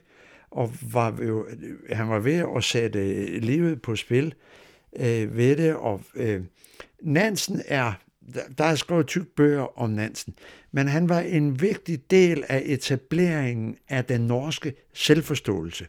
Og sådan, uden at jeg kan det i enkelheder, så er det jo nordmændene, der nu vinder medaljer i skiskydning og langrand og mm. alt det der hele tiden. Ikke? Det er ligesom om, de sidder på det. Mm. Øh, på, på, på, på det der skiløb. Og det, Så godt som de sidder på Nordsøolien. Ja, ja, ja, ja, ja. ja. Nå, men i, i forlængelse af ham, så var der jo et spørgsmål om øh, Roald Amundsen. Og øh, han fik jo lov at låne frem, ikke? Øh, og, og bildte alle ind, at øh, han ville til, øh, til Nordpolen. Og, og hyrede øh, besætning og det hele, ikke? Og sejler afsted. Og da de kommer ud i den engelske kanal, er der nogen, der begynder at tænke på, er han sejlet forkert? og på det tidspunkt fortæller han besætningen, at de skal til Sydpolen. Mm. Og hvorfor skal de til Sydpolen? Det skal de, fordi at den engelske nation Ja. jo også havde forestilling om, at hvis vi skal blive ved med at bibeholde det engelske imperium som et verdensdækkende imperium, så skal vi selvfølgelig også til Sydpolen. Ikke? Mm. Det vil sige, nu er der to spor, der ligesom krydser hinanden.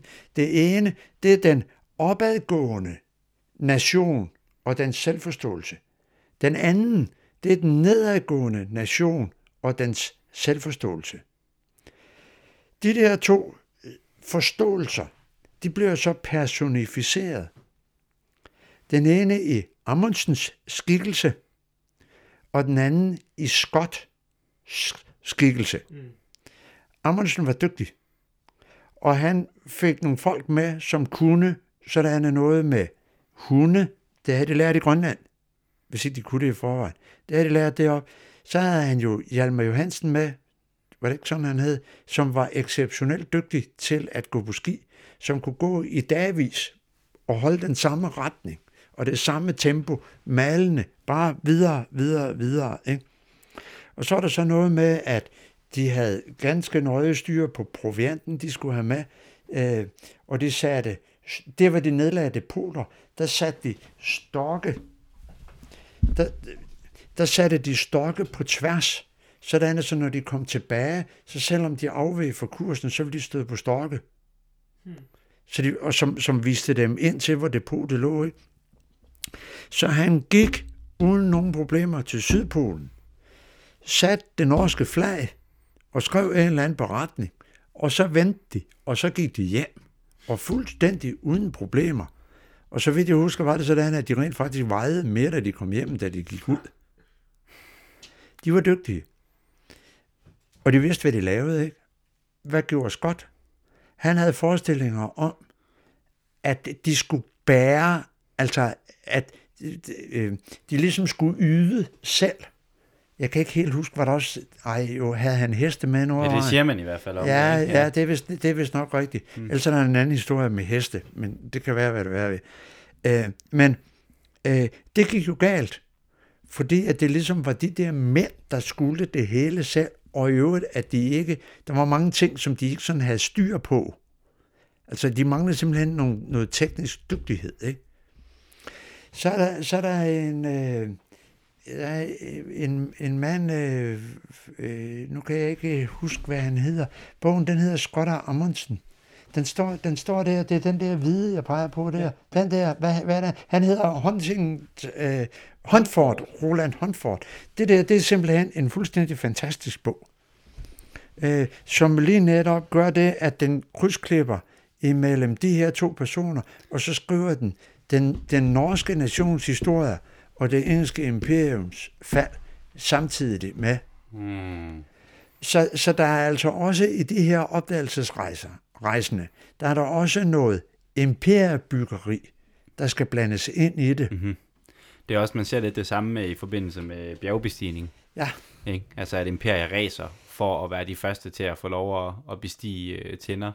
Jeg ved, der var noget med det italienske imperium for eksempel, ja. at de ligesom satte sig hårdt ind på det, ja. sådan, og være de første i, øh, i Himalaya til at bestige de højeste... Men man kan jo også se det altså meget senere i historien, altså månekapløbet, ikke? Altså, og mm. jeg tænker helt sikkert, det er det samme med de nye planeter, man skal ud på, ikke? Altså, jo, til, nu skal vi til Mars. Ja, det er mm. det.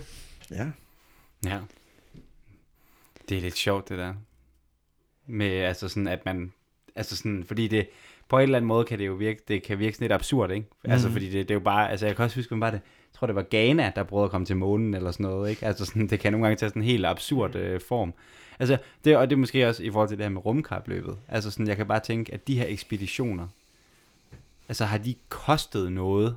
Har de været substantielle for et, øh, et imperium? At finansiere de her? Altså, nogle, nogle af dem, øh, det, det er jo meget forskelligt. Så, så skal du gå, gå hver enkelt ekspedition nøjere efter, for at finde ud af, hvor meget skatteyderne som sådan mm. direkte har ydet. Men altså, altså her omkring år, øh, år 100 skifte, altså fra, fra 1800 til, til 1900, øh, der har det jo mest været øh, velhavere, ja, som, som har betalt. Ja. Ikke? Øhm, og for dem har det jo været sådan en piece of cake. Mm. Øhm, Nå, men, men det, det der med imperiebyggeriet, øh, jeg synes, at vi skal have det med øh, og så Knud Rasmussen og Grønland, ikke? Fordi I skal forestille jer, og nu, så, så kan vi trække det helt op til vores tid, selvom det er mange år siden, at Knud Rasmussen er død. Men det perspektiv, som I skal forstå, det som jeg nu vil fortælle om i, det er, at der for, for et par år siden, der øh, ville øh, USA's præsident Trump, der ville han øh, købe Grønland. Det, det sagde han altså, det var bare en ejendomshandel. Øh, han ville købe Grønland. Og det lukkede Mette Frederiksen jo så med det samme, ikke? Og det blev han så voldsomt pikeret over. Samtidig med, at der jo ikke rigtig var nogen, der spurgte grønlænderne, hmm. om, om de... Øh, nå, hvorfor var der så meget ballade om det, og hvorfor ville, øh, hvorfor ville amerikanerne pludselig købe Grønland? Ja, hvis I så et øjeblik forestiller jer, at I øh, kigger på Grønland, altså nu har vi kort over Grønland, så har vi vestkysten, og så har vi hele, den, hele østkysten og nordkysten, ikke? Og øh, nu øh, interesserer jeg mig så ikke så meget øh, lige nu for, øh, hvilke vej øh, eskimoerne, den traditionelle befolkning, har vandret, men mere et spørgsmål om øh, de folk, som er kommet hernede fra Europa. Hvordan nu med dem, ikke? Så vi ved jo, at nordboerne sejlede til Grønland. Altså fra, fra Norge, via Færøerne til Island og så videre til Grønland, og så over til Vinland. Så der har altså været vikinger i Sydgrønland, indtil de så op i 1400-tallet af forskellige grunde øh, jo øh, forsvandt, øh, mistede livet. Så, så er der så kommet forskellige øh, sælfangere, øh, andre rejsende på den der måde, nogen som har let efter Nordvestpassagen, er kommet op og er kommet i berøring med. I 1721, det er så øh, 300 år her i år, ikke? Øh, kommer hans ede derop, og det er jo så et spørgsmål om at rejse ud i alverden og gå mine folkeslag, alle folkeslag til mine disciple, i det I døber dem i faderens og søndens og helligåndens navn. Det er missionsbuddet. Mm. Ikke? I så man, en, apropos hvad der driver folk øh, til at rejse ud, ja. en fjerde motivation, som også er ret udpræget måske. Det er rigtigt. Det er en del af den vesteuropæiske kultur, ikke? Så man, når, når missionen er kommet, den kommer meget ofte først. Øh, så kommer handelen bagefter, der er penge i det, mm. og endelig så kommer herren. Og så sidder vi jo på det. Hmm. Det er jo den sidehistorie, det er jo lidt interessant at se på især danske kort over Grønland, hvordan de har danske navne hele vejen rundt. Hmm. Der er jo altså, prøv at sige gang slutsord. Det betyder, bare, ja, det betyder bare den store fjord, og det er der jo flere fjorde rundt omkring Grønland, der hedder, fordi det er en stor fjord. Altså. Nå, men så efterhånden, så blev øh, Grønlands vestkyst, så blev den dansk, ikke? Øh, fordi der blev, var øh, flere og flere, øh, øh der blev etableret flere og flere kolonier. Og i 1884, der lykkedes det Gustav Holm at sejle op øh, med, med robåd op langs øh, sydøstkysten af Grønland op til Amarsalikkerne og fandt sådan en lille stamme af mennesker deroppe, som levede helt på stenaldervis. Og i øh, 1924, der øh, fik øh, Ejner Mikkelsen så en gruppe af de der mennesker, øh, fordi de var klumpet sammen omkring hans station, til at rejse med op til Skursby Sund, og som, som ligger cirka midt på Grønlands østkyst. Ikke? Og så etablerede man en koloni der. Og i mellemtiden, så var det også, selvom amerikanerne Peary havde været der, så var det også danskere som Knud Rasmussen med den anden Thule-ekspedition, som havde været øh, på Grønlands øh, nordkyst, Lauke Kok også, øh, og øh, Grønlands nordøstrunding, som man jo ellers ikke kendte noget til, den havde Mylius Eriksen øh, og øh, I.P. Kok, og de der folk fra Danmark-ekspeditionen, det er de kortlagt i 1906 til 1908. Ikke?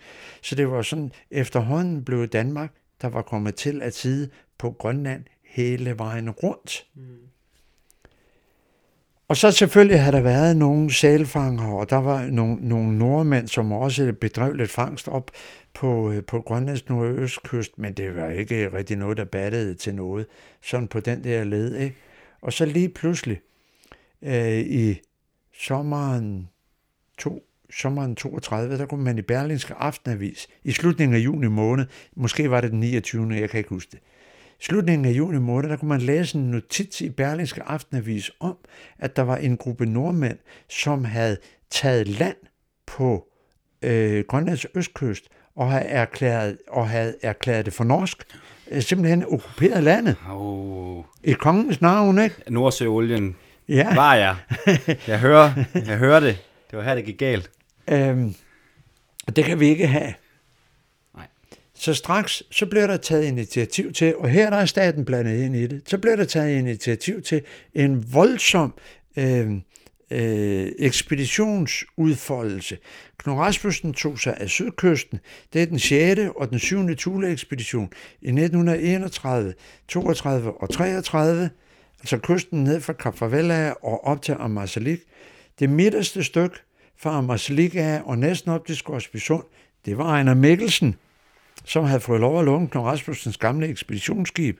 Nu var der videnskabsfolk med, og korttegnere og flyvemaskiner op i luften, som øh, korttegnede meget mere, end man havde gjort øh, tidligere.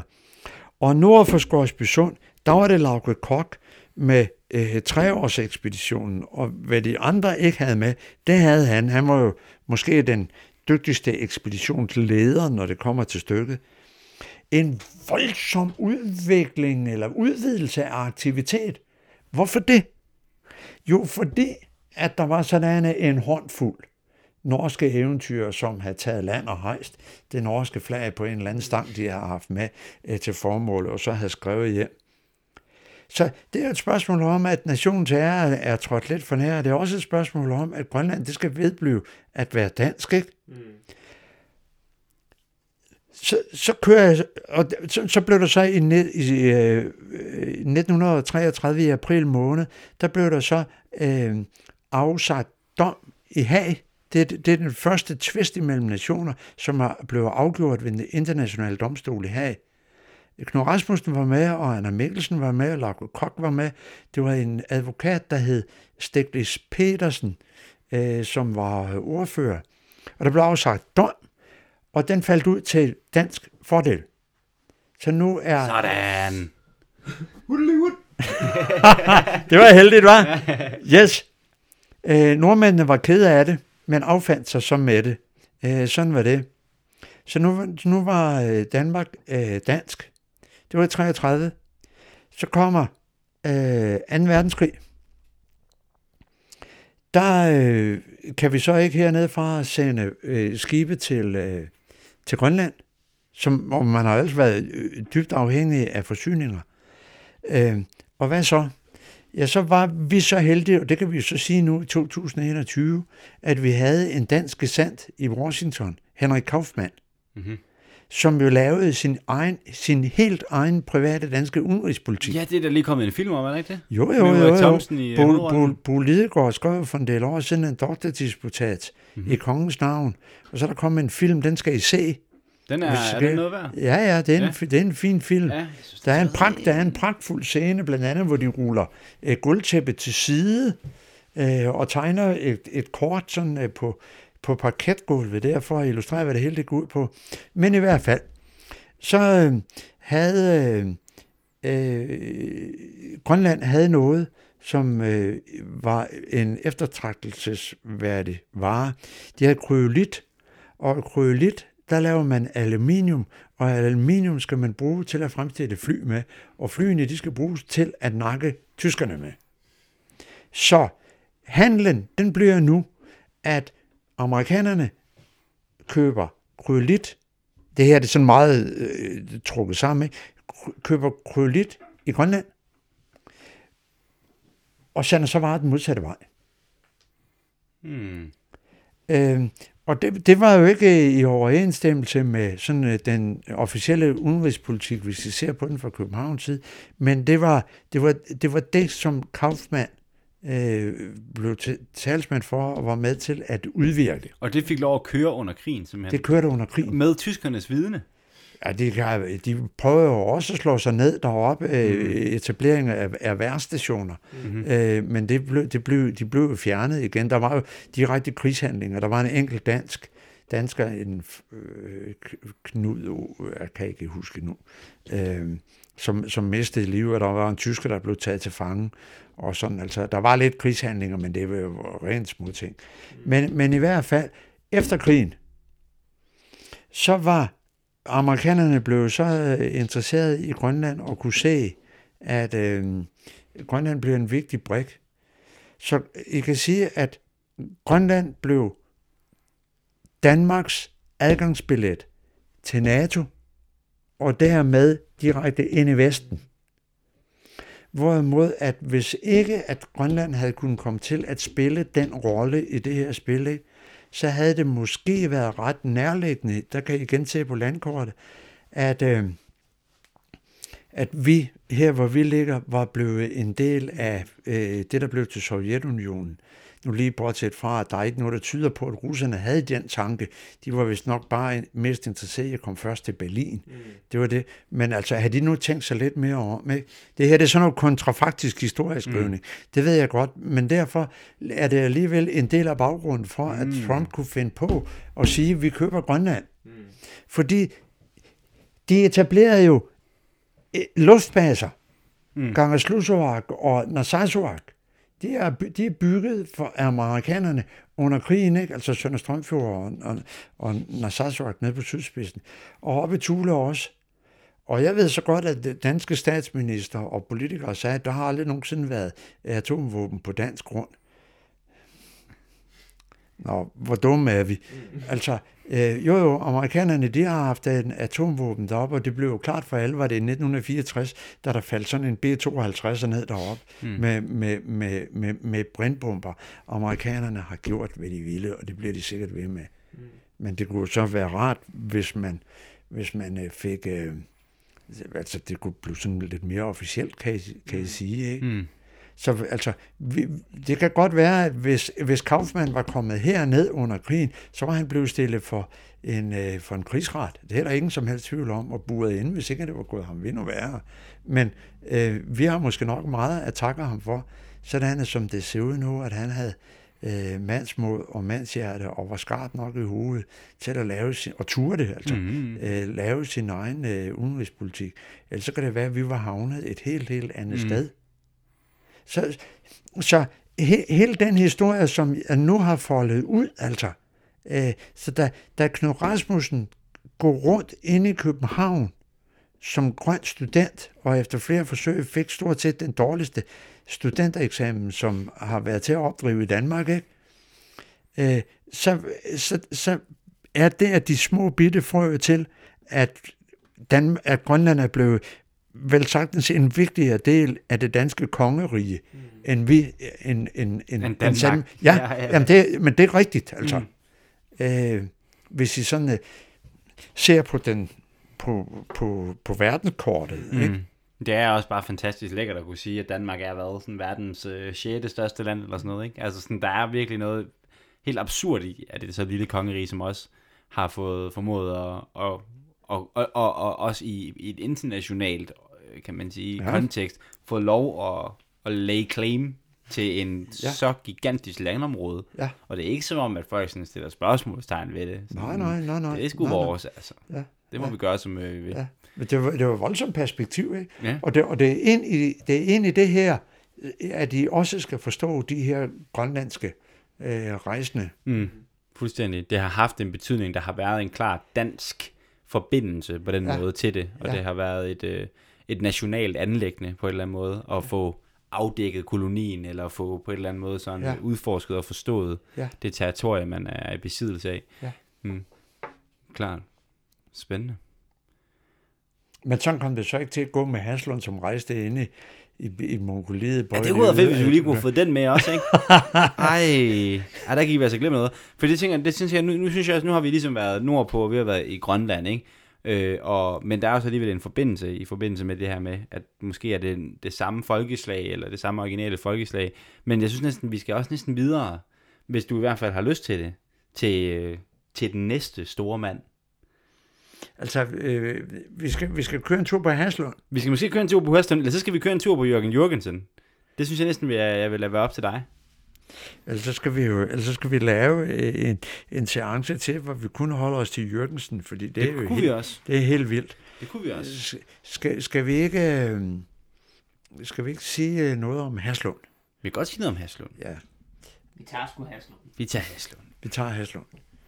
Øhm, Måske skal vi, skal vi have en kop kaffe mere? kan, kan, du, kan du afbryde den der? Må, må, Ja. Ja, Eller- eller- kan køre. Vi kan også bare køre, og så... Øh, altså, det, er- det er podcasting. Nå, jamen, øh, I bestemmer. Mm-hmm. Jamen, vi, øh, vi tænker, at vi kan godt lave en kop kaffe mere. Øh, enten så skal jeg gå ud og lave den, eller Nej, så... nej, øh, det kan, det kan jeg godt gøre. Okay, ja. øh, øh, jeg kan også bare øh, øh, kalde på de tjenende ånder. Ja, ja, det tænker jeg næsten. Det, det er næsten mere, ikke? Og vi sidder her på kontoret, ikke? Og vi er på Reersø. Ja, men så, og... må, så må I, kan I så ikke øh, fortælle øh, historier fra de varme lande, Jo, og så præcis. øh, henter jeg lige noget mere kaffe. Ja, det vil være dejligt. Fedt. Jeg har, jeg har faktisk noget, jeg øh, synes næsten skal læses, for jeg føler, at jeg, jeg har lidt ondt af ham med Robert Falcon Scott. Og nu læser jeg lige, hvad der står bag på den bog, som vi snakker om Ja, tidligere. Scott og Amundsen. Amundsen. Den 17. januar 1912 nåede Robert Falcon Scott i en tilstand af total udmattelse Sydpolen. Det syn, der mødte ham der, var det norske flag, som Roald Asmussen havde plantet en måned tidligere. Ærligt talt, det må være, du har brugt et fucking år på den ekspedition, eller fucking 10 år Ja. på den ekspedition, Ja. og så dukker du op helt sikkert vejet, vejende sådan det halve af det, du havde gjort Mm. for et år siden. Din heste er frosset til døde, som du tænkte var en god idé at lige at tage med fra England. Og så står det der lorte Ja. norske flag. Ja, ja, ja, ja. Og du, går- og, du, og du møder dem måske på vejen, ikke? Og du kan bare se, at de har det pisse godt, ikke? De er tykkere, ikke? De er nærmest, åh, ja, åh, jeg er alt for mæt, altså. Jeg kan Jeg synes, det ikke. er virkelig synd for ham.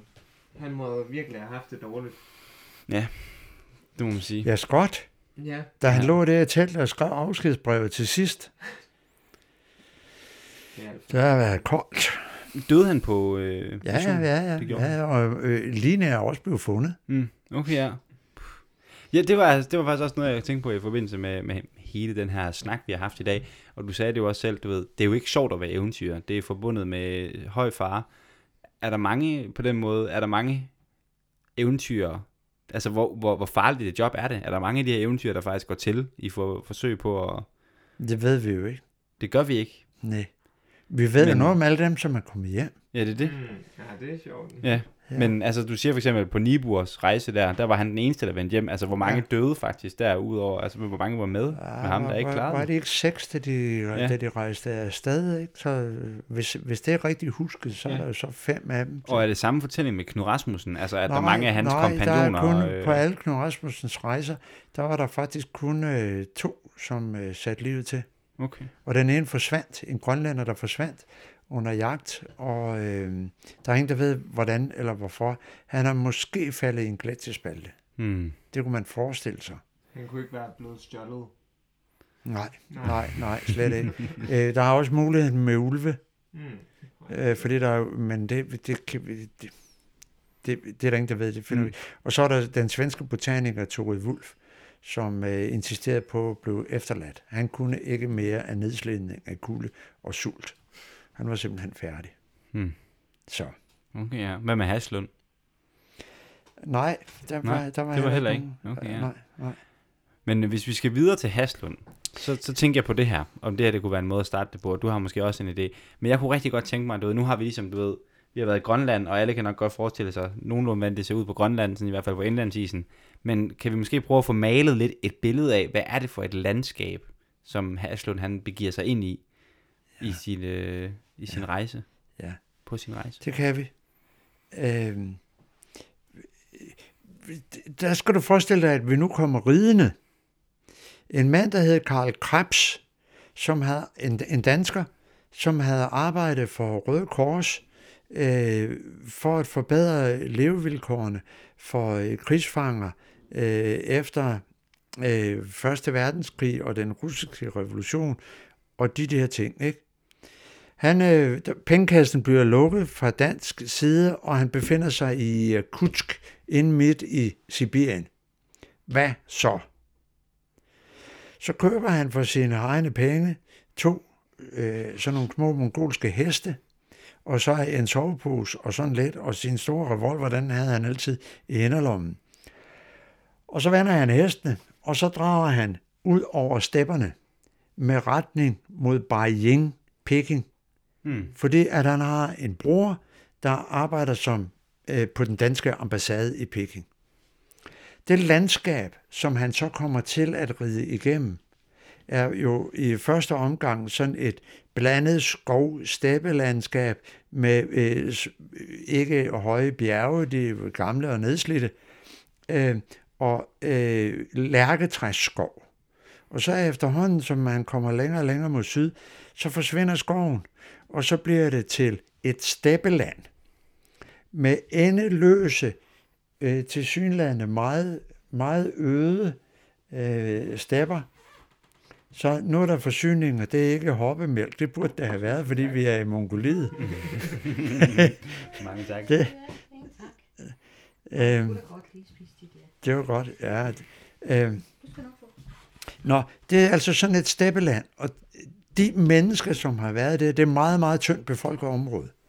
Det, øh, det, er, det er nomader, som øh, rejser fra sted til sted. De flytter simpelthen nogle gange om året med deres flokke af dyr. Det er heste, og det er får. Øh, nogle få jakkeokser har de haft, men så flytter de fra sted til sted, fordi at øh, altså klimaet er så hårdt, det er så koldt om vinteren og så varmt om sommeren, så tilvæksten i græs er meget ringe, så landskabet kan bære meget få mennesker.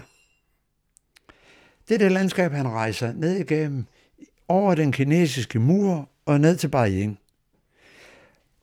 Undervejs så har han overnattet på et sted, som han synes, den røde klippe, som sidenhen blev kaldt for Danske Klippen, der har han overnattet der, og, og øh, øh, tak, tak, øh, fandt stedet så smukt, så han tænkte, at her vil jeg gerne tilbage. Så kommer han til Danmark, efter at have besøgt broren, og der, der øh, øh, gør han sig så til talsmand for, at man må kunne rejse ud, og så må man kunne starte et dansk landbrug derude, og så vil man kunne leve i fred og ro øh, med sig selv og sine omgivelser. Og en af dem, som ligesom var træt af at gå rundt i København og alt, hvad det nu indebar, øh, som lå sig overtale, øh, og også sådan altså ekspansionstrang, og hvor ligger min lykke begravet, og hvor ender regnbuen hen, og alle de der ting, var Haslund. Og en landmandssøn, der hed Isager, som kom op fra Frederikshavn, og en Larsson, en stor, stærk mand. Øh, og nå, de rejser så øh, til, øh, til Mongoliet, de øh, sejler øh, til, øh, ind til, til, til Kina, og så øh, med sådan en lille kortege øh, op igennem Gobiørken, op der til, til Danske Klippen i det nordlige øh, Mongoliet. Og der slår de sig så ned, øh, og de har øh, frø med til sukkerroer, og øh, øh, altså prøver at etablere mm-hmm. en farm, laver noget handel og sådan, ikke? Det, der er vanskeligt, det er to ting. Den ene, det er klimaet, som var øh, ualmindeligt hårdt og barsk. Det var den ene ting. Den anden ting var, og det var det, der på længere sigt kom, øh, slog benene helt væk under dem, det var øh, eftervirkningerne af den russiske revolution. Mm. Fordi den russiske indflydelse i den nordlige del, især af Mongoliet, øh, var voldsom. Øh, som man kunne ikke have sådanne fremmede elementer som danskere. Og især ikke, når der var nogen, der insisterede på at få deres eget vilje i den grad, som Krebs han gjorde. Altså han opfattede jo enhver form for modstand som noget, der skulle øh, overvindes, og kun hans vilje skulle sættes igennem. Så da det ligesom blev vanskeligt med den der farm, ikke, der mødte Haslund, øh, som jo bare var, var, var med som en af, af ekspeditionsdeltagerne, så mødte han så øh, Svend Hedin. Og Svend Hedin var jo en kendt øh, svensk opdagelsesrejsende, som øh, vel nok er den, som har ydet det største bidrag til udforskningen af øh, Asien, eller det midten af, midten af Asien. Og, øh, han, og nu, nu er der sådan nogle ting, der sådan lidt, altså bliver lidt sådan historisk toget, ikke? Fordi at øh, man var jo interesseret i fra Europas side at få lavet en flyrute til Peking. Men man kunne ikke flyve hele vejen i et hug. Så skulle man altså mellemland. Hvor kan man få gjort det? Og hvordan får man så flybrændstof ud de der steder? Så en af dem, en af de instanser, I spurgte til det med pengene før, der har været med til at finansiere nogen, noget af, af Hedins øh, arbejde, det var Lufthansa. Hmm. Fordi de var interesseret i sådan en rute. Men så kommer der en ting til os, og det er, at Hedin øh, havde jo øh, øh, dybe sympatier for nazisterne. Så, og vi er oppe i 30'erne, ikke også? Hmm. Så det har måske været nemt for ham at få tyske penge. Men i hvert fald så bliver, så bliver Haslund blandet ind i, ikke måske sådan direkte det med de tyske penge, men i Hedins øh, eventyr. Han bliver nemlig hyret som, øh, som sådan en kameldriver, eller øh, rejsende, øh, karavaneleder, kan vi vel kalde ham. Og på den led, der kommer han så i gang med et større rejseri, og, og tænker så, at øh, der må være mulighed for at lave, øh, at lave øh, ekspeditioner til, til, øh, til, til Mongoliet fra Danmark. Og det gør han så af et par omgange, og, og finder på det der med musik, etnografien, og rejser som, øh, som sådan. Af, først var det bare tre mand, først ham selv, og så næste gang tre mand, og så øh, blev det hele stoppet så på grund af 2. verdenskrig. Og så øh, bagefter, da man kunne komme i gang igen øh, efter krigen, så for det, der hed cigaretpenge. Det var sådan, at når man købte en pakke cigaretter, så blev der lagt et beløb af det, som man nu betalte for dem, til en ekspeditionsfond for at man kunne komme i gang med de der store ekspeditioner. Det blev vist nok til Galatea-ekspeditionen, og det blev der i hvert fald til øh, Haslunds ekspedition til Afghanistan. Og øh, øh, hvor, han, hvor han så døde ude i 48, ikke? Og øh, ved hvad, dengang, da, da jeg interesserede mig for det, det her, det har så også sådan et, et, et perspektiv på sig, ikke? Da jeg begyndte at interessere mig for det, der opsøgte jeg en, en mand, der hed Claus Ferdinand, som var etnograf, og som arbejdede på Mosgård, og som havde, har forbindelse med, øh, med Haslund. Øh, fordi jeg ville jo vide, hvad, hvad Claus Ferdinand kunne fortælle, ikke? Og øh, han fortalte så også, at øh, der var jo en mand med en religionshistorie, som hed Halfdan Siger. Han var religionsprofessor ved Aarhus Universitet. Og så fortalte Claus Ferdinand mig, at Halfdan Siger levede endnu, og boede alene som en gammel mand i en lejlighed øh, inde i Valby med udsigt ud over øh, Søndermarken. Og så inviterede jeg mig selv ind og besøgte øh, Halfdan Siger. Og han vidste jo en hel masse om de der forskellige folkeslag i Afghanistan, ikke?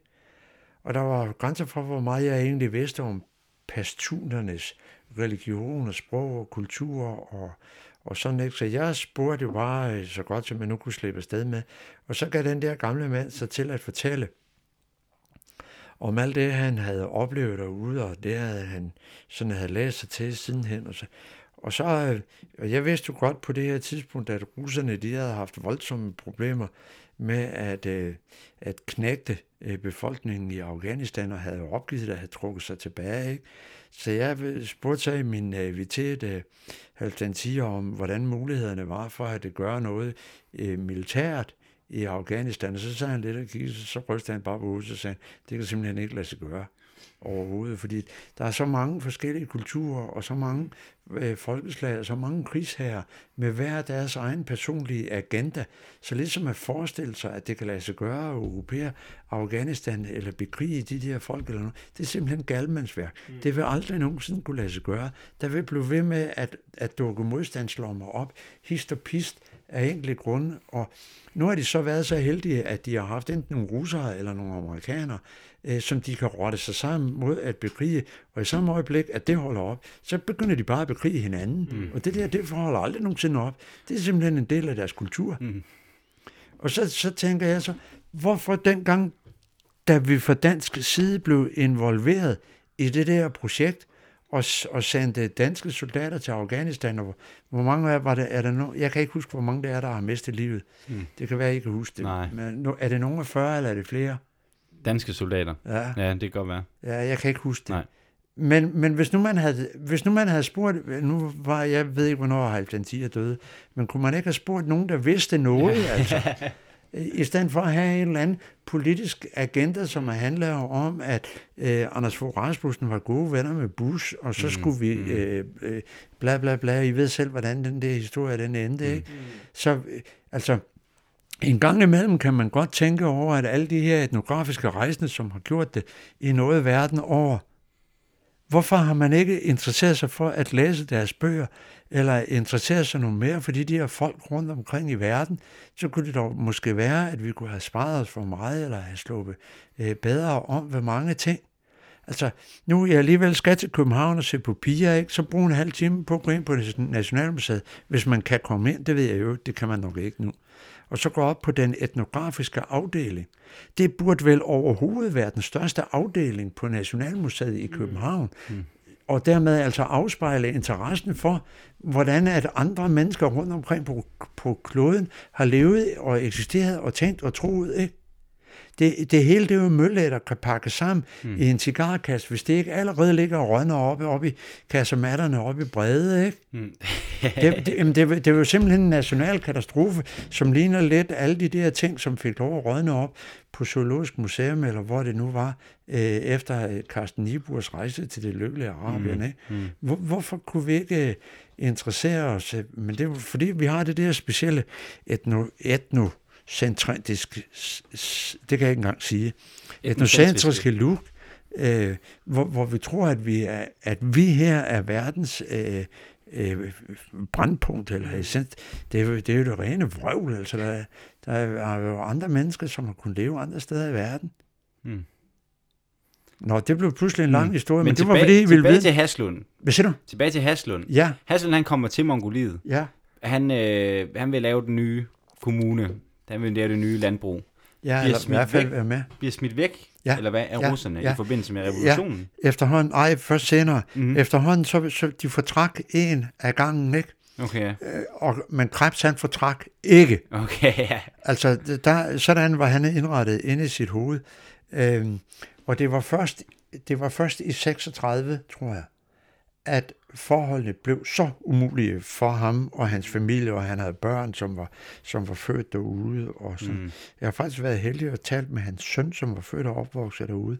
Okay. Han hedder Axel og døde for et år eller to siden, eller sådan noget lignende. Men altså, øh, så, så hørte det jo op. Men, men ved I hvad, vi har, vi har jo været derude, ikke? Altså, jeg har rejst rundt på, på, øh, på stepperne i Mongoliet. Har du det, eller hvad? Ja, ja. Nå. Øh, nu, nu, skal, nu skal jeg lige spørge jer ad, øh, og nu skal I sådan rykke, rykke 10, 10 år tilbage, eller sådan noget lignende. Hvis I spørger en tilfældig mongol ad ude på stepperne, om de kender en dansker, så siger de, ja, ja. Og så, siger hvem, hvilke dansker kender man så? Og så nu spørger jeg, lav mig navnet på den mest berømte dansker, som en mongol vil kende. Hmm, Rane Vitterslev. Nej, Karoline Wozniacki. nej, men det er nu ikke så tosset, altså du skal i sådan nogle baner der. En dansk. Cool. Hmm. Jeg må vel passe. Ja. ja. Jeg havde jo tænkt, da jeg stillede spørgsmålet, jeg havde jo naturligvis øh, tænkt øh, Michael Laudrup. Jamen, det var altså min bedste Hmm. Ja, det, er- det, er jo, det er jo klart ikke, men niks. Fordi man spiller ikke fodbold i Mongoliet. Nej, Bent Larsen. Og så, så tænker I, hvem er Bent Larsen? Ja. det er øh, Danmarks gennem tiderne absolut dygtigste skakspiller. Mm. Fordi ja. man spiller skak i Mongoliet. Mm. Okay. Og på, på grund af øh, den, øh, den første gang, vi var sådan en mindre gruppe, som rejste rundt derude, så var der en, øh, en pige, som på sin, jeg kan ikke huske, om det var på sin anorak eller på sin rygsæk, der havde hun syet sådan et lille dannebrugsflag. Og det, det var der så øh, nogen, som fik øje på. Og så, så blev vi sådan ligesom stoppet eller passet op, og så skulle vi vente lidt. Og så benede de der folk af, og så 10 minutter efter, så kom de tilbage, og det var sådan en lille flække, så kom de tilbage med borgmesteren. Fordi det var meget vigtigt, at borgmesteren fik lejlighed til, selvom vi jo ikke rigtig kunne forstå, men der var jo tolk og noget, ikke? Øh, fik lejlighed til at tale med danskere. Fordi øh, danske øh, øh, penge øh, fra Udenrigsministeriet, altså i ulandsbistand, havde været med til at øh, finansiere skolen eller dele af skolen, tror jeg. Øh, så de, de, var, de var meget øh, øh opsatte på, hvor, hvor vi kom fra, og, og hvis det i og for sig god besked. Og det, det, var, det er altså, øh, har direkte rødder tilbage til det med, til det med Haslund Okay. som var øh, vældig derude, og, øh, og sådan ikke. Øh, så, øh, og, og lidt sådan, Krebs, Krebs var jo læge. Ja, fordi hvordan kan det være, at det er Haslund, der bliver hovedfortællingen, eller hovedpersonen ja. I den her fortælling, og ikke Krebs? For det er jo det, det, til, det, han er, det er fordi, at nogle, at nogle af mongolerne forvekslede de to. Fordi at de, de, talte, de taler om Haslund, eller Aslund. Øhm, øh, og det, var, det havde blandt andet noget at gøre med, nu er jeg sådan lige et øjeblik ude på lidt dybt vand, men da Haslunds søn, øh, Søren, da han blev, øh, da han blev øh, hofmarschal, øh, så selvom det jo sådan var et lidt specielt job, så lykkedes det ham alligevel at få lavet en ekspedition derude, fordi han ville godt se, hvor det var, de havde lavet den der farm og sådan. Og der havde han kronprinsen med, Frederik blandt andet. Og, øhm, og det, ble, det blev meget omtalt og meget kendt i Mongoliet øh, og fjernsyn og bla bla. Så derfor var der mange rundt omkring, der ligesom forbandte Danmark med Haslund. Og så var der så nogle ældre nogen, som kunne huske, at hov, de var der blevet behandlet af den læge. Men den læge, det var ikke Haslund, det var Krebs, fordi Krebs var, var, øh, var, var, var læge, ikke? Øh, så det, det, har, det har noget at gøre med sådan en, øh, sådan en forveksling. Okay. Men, men når du skriver om, hvor, når du vælger at skrive om, om Haslund og ikke øh, Krebs, hvordan kan det være så? Altså, hvad er det? Det, det var på grund af det med etnografien. Okay, ja. Det var fordi, han lavede Ja, ja, det det var, bidrag. til, det var og, tilgang. og, og, den her, øh, hvad hedder det, altså den her etnografiske tilgang, han havde, altså hvad, hvad, altså for det første, hvad er det for nogle mennesker, han møder? Mongolerne? Ja. Hvad, hvad er det for et folkefærd? Altså, de fleste kender jo nok øh, historien om Genghis Khan, ikke? Men altså, er det, er det det samme, vi er i, eller... Ja, det, de er, de er, de, de er, de er, nu, de er nomader, øh, og de rejser fra, øh, fra sted til sted, ikke? og de lever af den sparsomme tilvækst, som er i græsset på steppen, kan ikke i sig selv danne grundlag. Den skal for, for, for øh, en menneskelig eksistens, den skal veksles. Den måde, den kan blive vekslet på, er ved hjælp af dyrehold. Så de har får, som er nøjsomme, og de har heste. Øh, hestene bruger man så øh, til, øh, til at ride på selvfølgelig, og så bruger man dem til at malke. Så man øh, øh, af hoppemælk, der laver man så alle mulige mejeriprodukter, eller altså det vil, det vil vi kalde det. Øh, de, de laver ost, og de laver oven i købet øh, ejrak. Det er sådan noget øh, Mm. øh, brændevin på, øh, på, på øh, hoppemælk. Man bliver bims i hovedet. Det, det er noget, der virker, og Ja. det går ret hurtigt. øh, det er ret godt, skulle jeg hilse at sige. Mhm. Mm-hmm. Sådan en ordentlig brænder det sådan noget gæret hoppemælk. Det, ja. Det kan man have glæde af nogle dage. Har du, er det sådan noget, de stadig gør? Altså, Ja, det, når ja. man tager, tager et mongol supermarked, er det så, er det så i stedet Nej, det for... ved jeg ikke, om du kan købe det Nej. sådan. Det Okay. har jeg ikke. Men Men, smag- vi, vi ja. drak det jo ude på stævnerne, ja. ikke? Vi, vi havde det jo sådan nogle 5 liters plastikdunke. Mm. Drak du også hoppemælk rent? Er det også det? Gør Ja, man også det? Ja, Vand, ja. Vand smager det Det er, sammen? bare, det er bare sødt, sådan, okay. synes jeg. Ja. Det smager ikke, det har, kan det sammenlignes med normal mælk? Nej, nej, fordi vores, øh, den mælk, som vi kender her, den er jo, den er jo industrialiseret i en sådan grad, så der næsten ikke er nogen ko at gøre mere. Mm. Det smager jo ikke ret meget af, af, Ja, af egentlig gammeldags den. Nej, det, ja, det er også rigtigt, ja. Det gør det jo slet ikke. Mm. Og gammeldags komælk er jo fed, sådan. Mm. Øh, nå, men altså, øh, øh, ud, udover nogle øh, genstande, så er Haslunds øh, væsentligste bidrag til de etnografiske indsamlinger, det er nok øh, musik øh, etnografiker. Han havde øh, båndoptager med og øh, lavede optagelser derude. Øh, de øh, har jo særlige musikinstrumenter, og så er mongolerne, det er jo en væsentlig del af deres sådan, sangkultur, de kan strubesang. Mm. Mm. Og nu, det skal, jeg skal nok lade være med at give jer prøver, fordi ja, det, er kan jeg slet ikke. Ja, ja, ja. Ja, Mm. ja det er det. Øh, det, er Det er meget, helt vildt. ja, det er meget specielt. Øh, og det, det, er, det er fantastisk. Altså, øh, vi har jo, jeg kan huske, at øh, vi, vi kom med, den ene af bilerne var gået i stykker, og så kørte øh, en af chaufførerne tilbage til hovedstaden til Ulan så der var 400 km, og hentede en ny toppakning. Og kom så, så havde vi så skilt den der bil ad i mellemtiden. Og så havde vi havde nogle gæster med, og sådan, ikke? Så, øh, hvor skulle vi så overnatte? Og vi havde telte med sådan, men øh, så, da vi fik stillet dem op, så, gik, så kom der sådan en ordentlig tordenstorm. Så øh, teltene blev flænget, og stængerne knækkede, og sådan noget. Det var sgu ikke nogen god debut, altså. Nå, men hvad så? Og så, øh, så var der sådan en, nogle øh, fattige, de, og de er sgu fattige, altså, mm. øh, som boede i sådan en gær, I ved, sådan en af de der runde filttelte, ikke også? Ikke så langt derfra, så gik vi derover.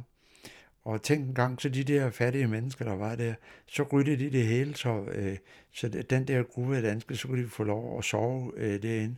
Og så jeg protesterede jo lidt, ikke? og sagde, at vi ikke, øh, hvad, hvad, øh, øh, hvor skal I så sove? Jamen, de kunne bare sove ude på jorden. Og så tænkte jeg, jamen, så kan jeg sgu da også, altså hvis nu jeg sådan var lidt leder af det der halvøje, ikke, så, så skal jeg sgu da ikke ligge og slænge mig ind i deres gear, så jeg kan da sove ude på jorden også. Så det gjorde jeg så. Og det er jo fantastisk, ikke? Og, og, ligge. og der, kan, der kan I snakke om stjernehimmel så. Mm. Altså, det, det, det eneste, der så, I kan lugte lidt dyr, sådan, og så kan I lugte, lugte sådan øh, duften af, øh, af vild timian, som fra, fra, fra steppen, ikke? Og så er hele, hele himlen, det er fuldstændig ligesom sort fløjl. Øh, og så er der bare sådan de der millioner af stjerner, for det her er jo ikke noget kunstigt lys. Som, øh, det- vi kan jo ikke se, vi ser jo aldrig stjerner her mere, vel, mm. fordi vi ikke kan se noget andet end gadelygter. Men altså, millioner af stjerner, og så er der stille. Så er der fuldstændig stille. Så kan jeg måske høre øh, lyd af et dyr et eller andet sted langt væk. Og hvis man er heldig, en ulv. Hvis man er heldig. Ja. Ja. Det, er- det er fantastisk. Der er ikke så mange, der har været øh, i Mongoliet, men det er... Det kan anbefales. Og det, det er så... Må jeg godt fortælle det også? Jo, for den. Altså, øh, I, skal- I skal ikke tro, at øh, man bliver sådan økonomisk velhavende af at skrive de her bøger. Det gør man ikke. Øh, jeg har heller aldrig regnet ud på mig. Jeg tror, jeg har sat penge til på det. Altså, mm. hvad det har kostet mig at køre til København og alle mulige steder for at sidde og læse breve ind på det kongelige bibliotek, eller hvad nu det kan være. Skide nu med det. Men der har været noget helt andet, som måske er vigtigere. Og det er, at øh, der er nok ikke så mange, der har været så mange steder i Grønland, som jeg har været. Mm. Øh, vi har tre gange været i Mongoliet og kørt rundt ude på stepperne for en led i det her. Ikke? Øh, vi har været i Australien og på Tasmanien. Øh, vi har været i øh, øh, Karibien i forbindelse med Torkel Hansen og Peter von Scholten og de der historier. Og sådan altså, det, det er sådan nogle sidegevinster, kan jeg kalde det, ikke? Som, øh, og det er jo, synes jeg jo er, er fantastisk at komme rundt og se sådan øh, steder i verden. Mm. Øh, sådan på den der måde. Så hvis ikke at jeg tilfældigt havde, havde sagt, øh, ja, det kunne da være en god idé at skrive en bog om, om Haslund, så jeg skulle da aldrig nogensinde komme til Mongoliet, vel? Hmm. Eller hvis ikke, at der, der er meget tilfælde i sådan noget, jeg havde skrevet en bog om Peter Freuden, og øh, så blev jeg ringet op af et øh, bibliotek, øh, hovedbibliotek, eller hvad det nu det hedder, i Nuuk, og spurgte af med, at jeg ville komme op øh, i forbindelse med et eller andet jubilæum, eller hvad det var, og holde et foredrag om Peter Freuden. Og det ville jeg så gerne. Og så, øh, så betalte vi så selv, sådan som min kone kunne komme med. Ikke?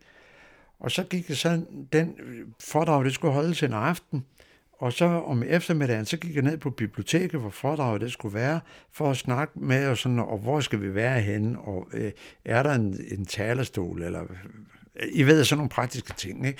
Og så mens jeg ventede på bibliotekaren, så gik jeg rundt og kiggede på reolerne, så stod der sådan Ejner Mikkelsens bøger, når så tog jeg dem ud og stod sådan og kiggede lidt.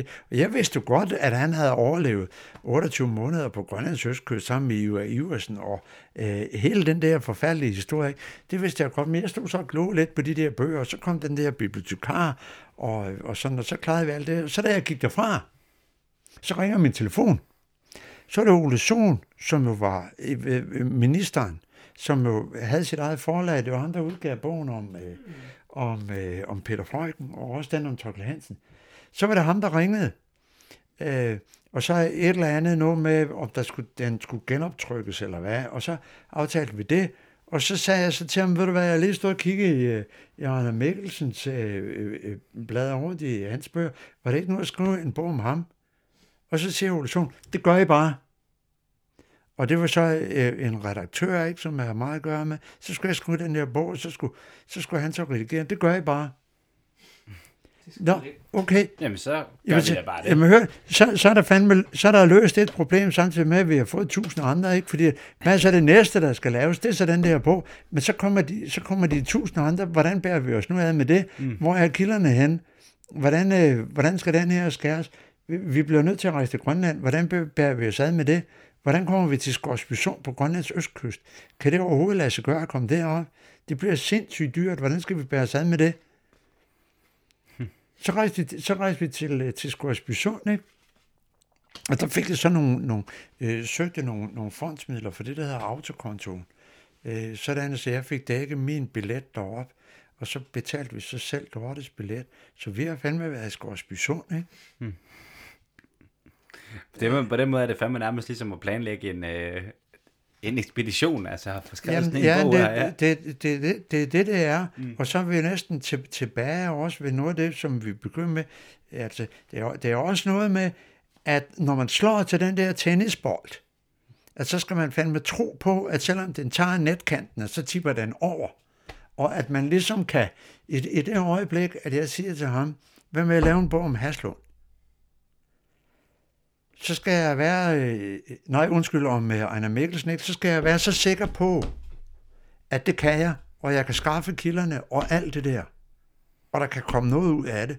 Og nogen vil interessere sig for det og kaste penge efter det. Hmm. Og hvis ikke, jeg, hvis ikke jeg tror på det, så kan det ikke lade sig gøre at, at lave det, eller at rejse til et eller andet sted hen og lave en ekspedition, eller skrive en bog, vel? Altså, go for it. Mm. Jeg er vild med den power der, man. Det kan jeg godt lide, Kurt. Det, altså, det er bare... Øh, altså, det kan jeg godt lide. Jeg, altså, ud fra det, du siger der, jeg får lyst til at spørge dig, du ved, hvis du skulle give sådan et godt råd til sådan to unge mænd, som også en mand som dig, der fandme har, du ved, ønsket den bold over nettet otte gange nu, og, og, og flere også med traktor og ekspeditionen. Altså, hvad, hvad, hvad, hvad, hvad, hvad, hvad er dit råd til Gør den det. nye generation? Gør det. Gør det. Det er Nike, den har Nike taget. Ikke Ja. Det er ikke på dans, det er rigtigt. Nej, men så, øh, så, så lader mig øh, på en lidt anden vej omkring. Jeg kender en mand, der hedder Niels. Vi er jævnaldrende. Og øh, det var faktisk ham, jeg købte den der traktor af. Han har sådan, øh, sådan et firma, ikke? Øhm, og øh, ham har jeg kendt altid. Og øh, de har hjulpet mig i forbindelse med de der traktorture. Og øh, for nogle år siden, der skete det, at Niels fik en jernblødning. Så nu sidder han i sådan en elektrisk kørestol, ikke også? Og øh, kan ikke så meget, og øh, hans øh, arm, øh, venstre arm er vissen og sådan, ikke? Og har så sådan en, øh, en invalidebil og øh, alt hvad det er. Og ham snakker jeg med sådan jævnligt, ikke? Og hver gang jeg snakker med ham, så, så tænker jeg sådan her. Det kan godt være, Niels har sikkert også haft de samme lyster, eller kunne ønske at køre til Nordkap med en traktor. Men han er afskåret fra det. Det kunne fandme lige så godt have været mig, som har siddet i den der kørestol nu med en vis arm, ikke? og ikke kunne øh, ret meget. Så jeg har vel sådan set også, fordi jeg nu øh, tilfældigvis ikke fejler noget ud over sådan lidt almindelig gammelmandsfrisenhed og den der slags, så er jeg vel også øh, så er en eller anden form for pligt til at bruge det, som jeg nu kan, eller mit liv til noget. Og så, så det, det, jeg så kan gøre, ikke, det er, at så, så, så kan jeg jo... Øh, så kan jeg jo sætte mig ned og, og, og skrive de her, de her bøger, og der, der er der, øh, de der blev solgt, og flere af dem er blevet genoptrykt, og sådan, og der er vel nogen, der har haft glæde af at læse dem. Jeg har da aldrig hørt andet i hvert fald, og jeg har været rundt omkring og holde nogle foredrag, og øh, der er jo øh, mange mennesker, som har været meget glade for, for de der foredrag om, om traktorturen, ikke? Og de sidder og siger, bare det, bare det var mig, og sådan noget. Det, altså, mit, mit svar til det er, jamen så gør det. Ikke? Det kunne gælde jer to unge mennesker. I kommer kørende over for Aarhus i en bil. Det er også en voldsom ekspedition for at komme helt til Rærsø. Og der er ingen grænser for, hvad I har overvundet af farer på vejen, vel? Mm. Men altså, I kunne lige så godt have været kørt til Ikur, i akut på cykel, eller et eller andet. Men det er jo også sådan, ikke, at det store eventyr, eller den store ekspedition, behøver jo ikke at ligge i at gøre det der sådan helt geografisk ekstravagante. Det kan være en kolossal oplevelse at tage fra Aarhus Midtby til Rigskov, mm. under forudsætningen af, at man er i stand til at opleve noget undervejs, ikke? Og det er vel også en, det er vel også en væsentlig forudsætning, altså slå antennerne ud og opleve noget, og lade være med at være så selvhøjtidlig. Du siger, at altså, jeg, jeg, så han har kigget mig intenst i øjnene. jeg, jeg skal jo kigge et sted ja, hen. det, ja, det. Kunne bare kigge på Benjamin i stedet Nå, ja, okay, Han er helt nå, klart mest selvhøjtidlig også. Og Benjamin, han er en sårbar sjæl, det har jeg luret, så ikke? det bliver svært. Mm. Det, men det, det er egentlig, jeg synes, det synes jeg egentlig er, altså, er en, altså en sjov tanke. Altså sådan, lad være med at være så selvhøjtidlig omkring det.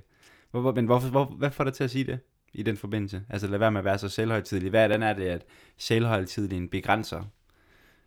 Om det vil vel også, øh, det har, det har noget at gøre med, med, med processen, ikke?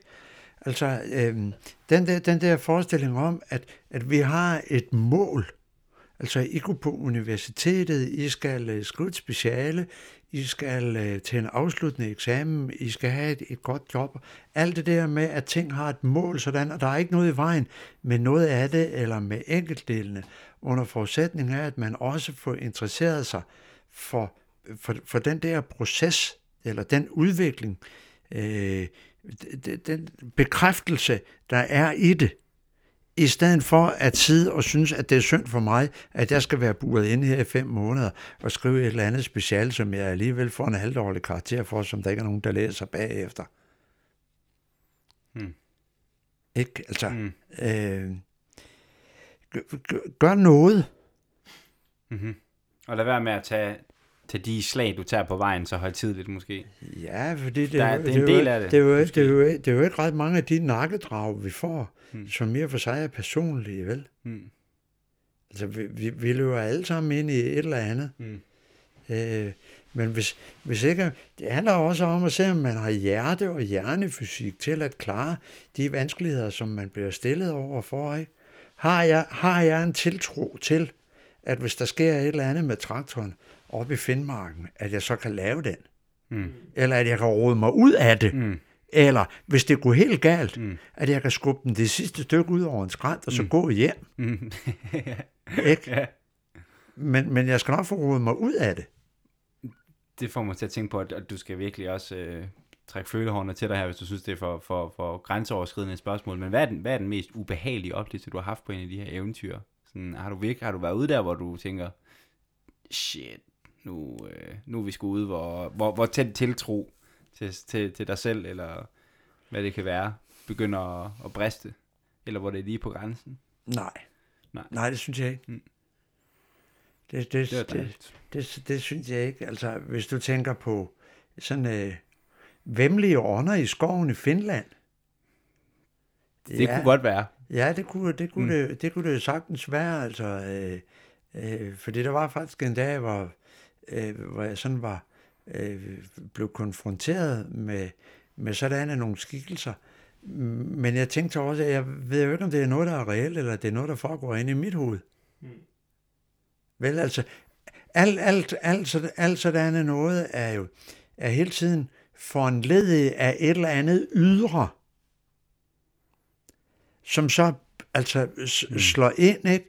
Øh, sådan noget, sådan noget, helt, noget helt konkret var, at øh, jeg havde problemer med, med et spejl på traktoren, fordi det, det sådan hele tiden raslede i en stilling, som jeg ikke kunne bruge. Så skulle det sættes fast, og så hvordan helvede, hvor skal jeg nu lige gøre det? Så fandt jeg på, at jeg kunne sætte en pind i klemme, øh, og så noget gaffatab på den der pind, og så kunne det nok blive der. Og så stoppede jeg og gik ind i skovbunden for at finde sådan øh, en pind, og lige, der, lige det øjeblik, da jeg bukker mig ned for at samle den helt rigtige pind, i den helt, større, helt rigtige størrelse, og den helt rigtige længde, og det, i det øjeblik, jeg bukker mig ned for at samle den op, så bugte den sig væk, fordi det var en hovedord. Mm. Nå, øh, lidt tidligere på, på den der dag, og det ved jeg sgu ikke, hvor kom, men inden jeg begyndte at køre, der var der sådan en øh, salmesang inde i skoven. Mm. Det er sgu mærkeligt. Ja. Øh, og jeg havde ikke, og det var den samme dag, jeg havde ikke nogen problemer overhovedet med den der traktor, ikke nogen, der er værd at snakke om. Men da jeg kørte igennem den, der større by deroppe, der kunne jeg lige pludselig kunne jeg skifte gear traktoren. Det var fuldstændig komplet umuligt. Den var helt blokeret i gearkassen. Det, det her, det er med aldrig. Altså, jeg, så meget har jeg dog kørt med alt muligt, og har altid kunne skifte gear. Og da jeg kom ud på den anden side af byen, så var der ikke nogen problem med at kunne skifte gear. Hvad sker her? Mm. Det kunne være lidt interessant at vide, ikke? ja, det, Ja, hvad er det, hvad er det der sker? Men der er jo i og for sig ikke, altså det eneste der er, det er, at jeg kan ikke forklare jer sådan faktuelt, hvad det er, der foregår. Men jeg kan bare konstatere, at der foregår noget. Og så tænker jeg, det kunne sgu egentlig være interessant at vide, hvad det egentlig er, der foregår. Samtidig med, at i samme øjeblik, at I forestiller jer, at jeg rent faktisk fandt ud af, hvad det er, der foregår, så vil magien forsvinde. Mm. Og så er oplevelsen ligesom væk. Så er vi tilbage ved Columbus, ikke? Mm. Så man, man skal måske også lade magien være. Altså, ved, ved, hvad, vi har, der er mange mennesker, som kunne tænke sig at komme op på, på spidsen, eller op på toppen af Mount Everest. Det kunne måske også være sjovt. Øh, en stor oplevelse. Ej, men nu vader man jo rundt i lig, gør man ikke det? Det tror jeg nok. Mm. Øh, men vi har, vi har stået i Mongoliet øh, klokken 4 om, nej, undskyld, i, i Nepal klokken 4 om morgenen, og set på, hvordan solen den står op og begynder at skinne på, øh, på de sneklædte toppe af de der store 8000 meter bjerge, ikke også? Det skulle til at blive religiøs af. Mm. Altså, det, det bliver man virkelig høj over. Et fantastisk syn, ikke? Og samtidig med, så kan man sige, jamen, øh, hvad skal jeg derop? Jeg har ikke noget specielt ønske om at komme derop. Ikke fordi jeg er bange for, at jeg ikke kan komme derop, eller sådan, eller jeg ikke kommer ned igen.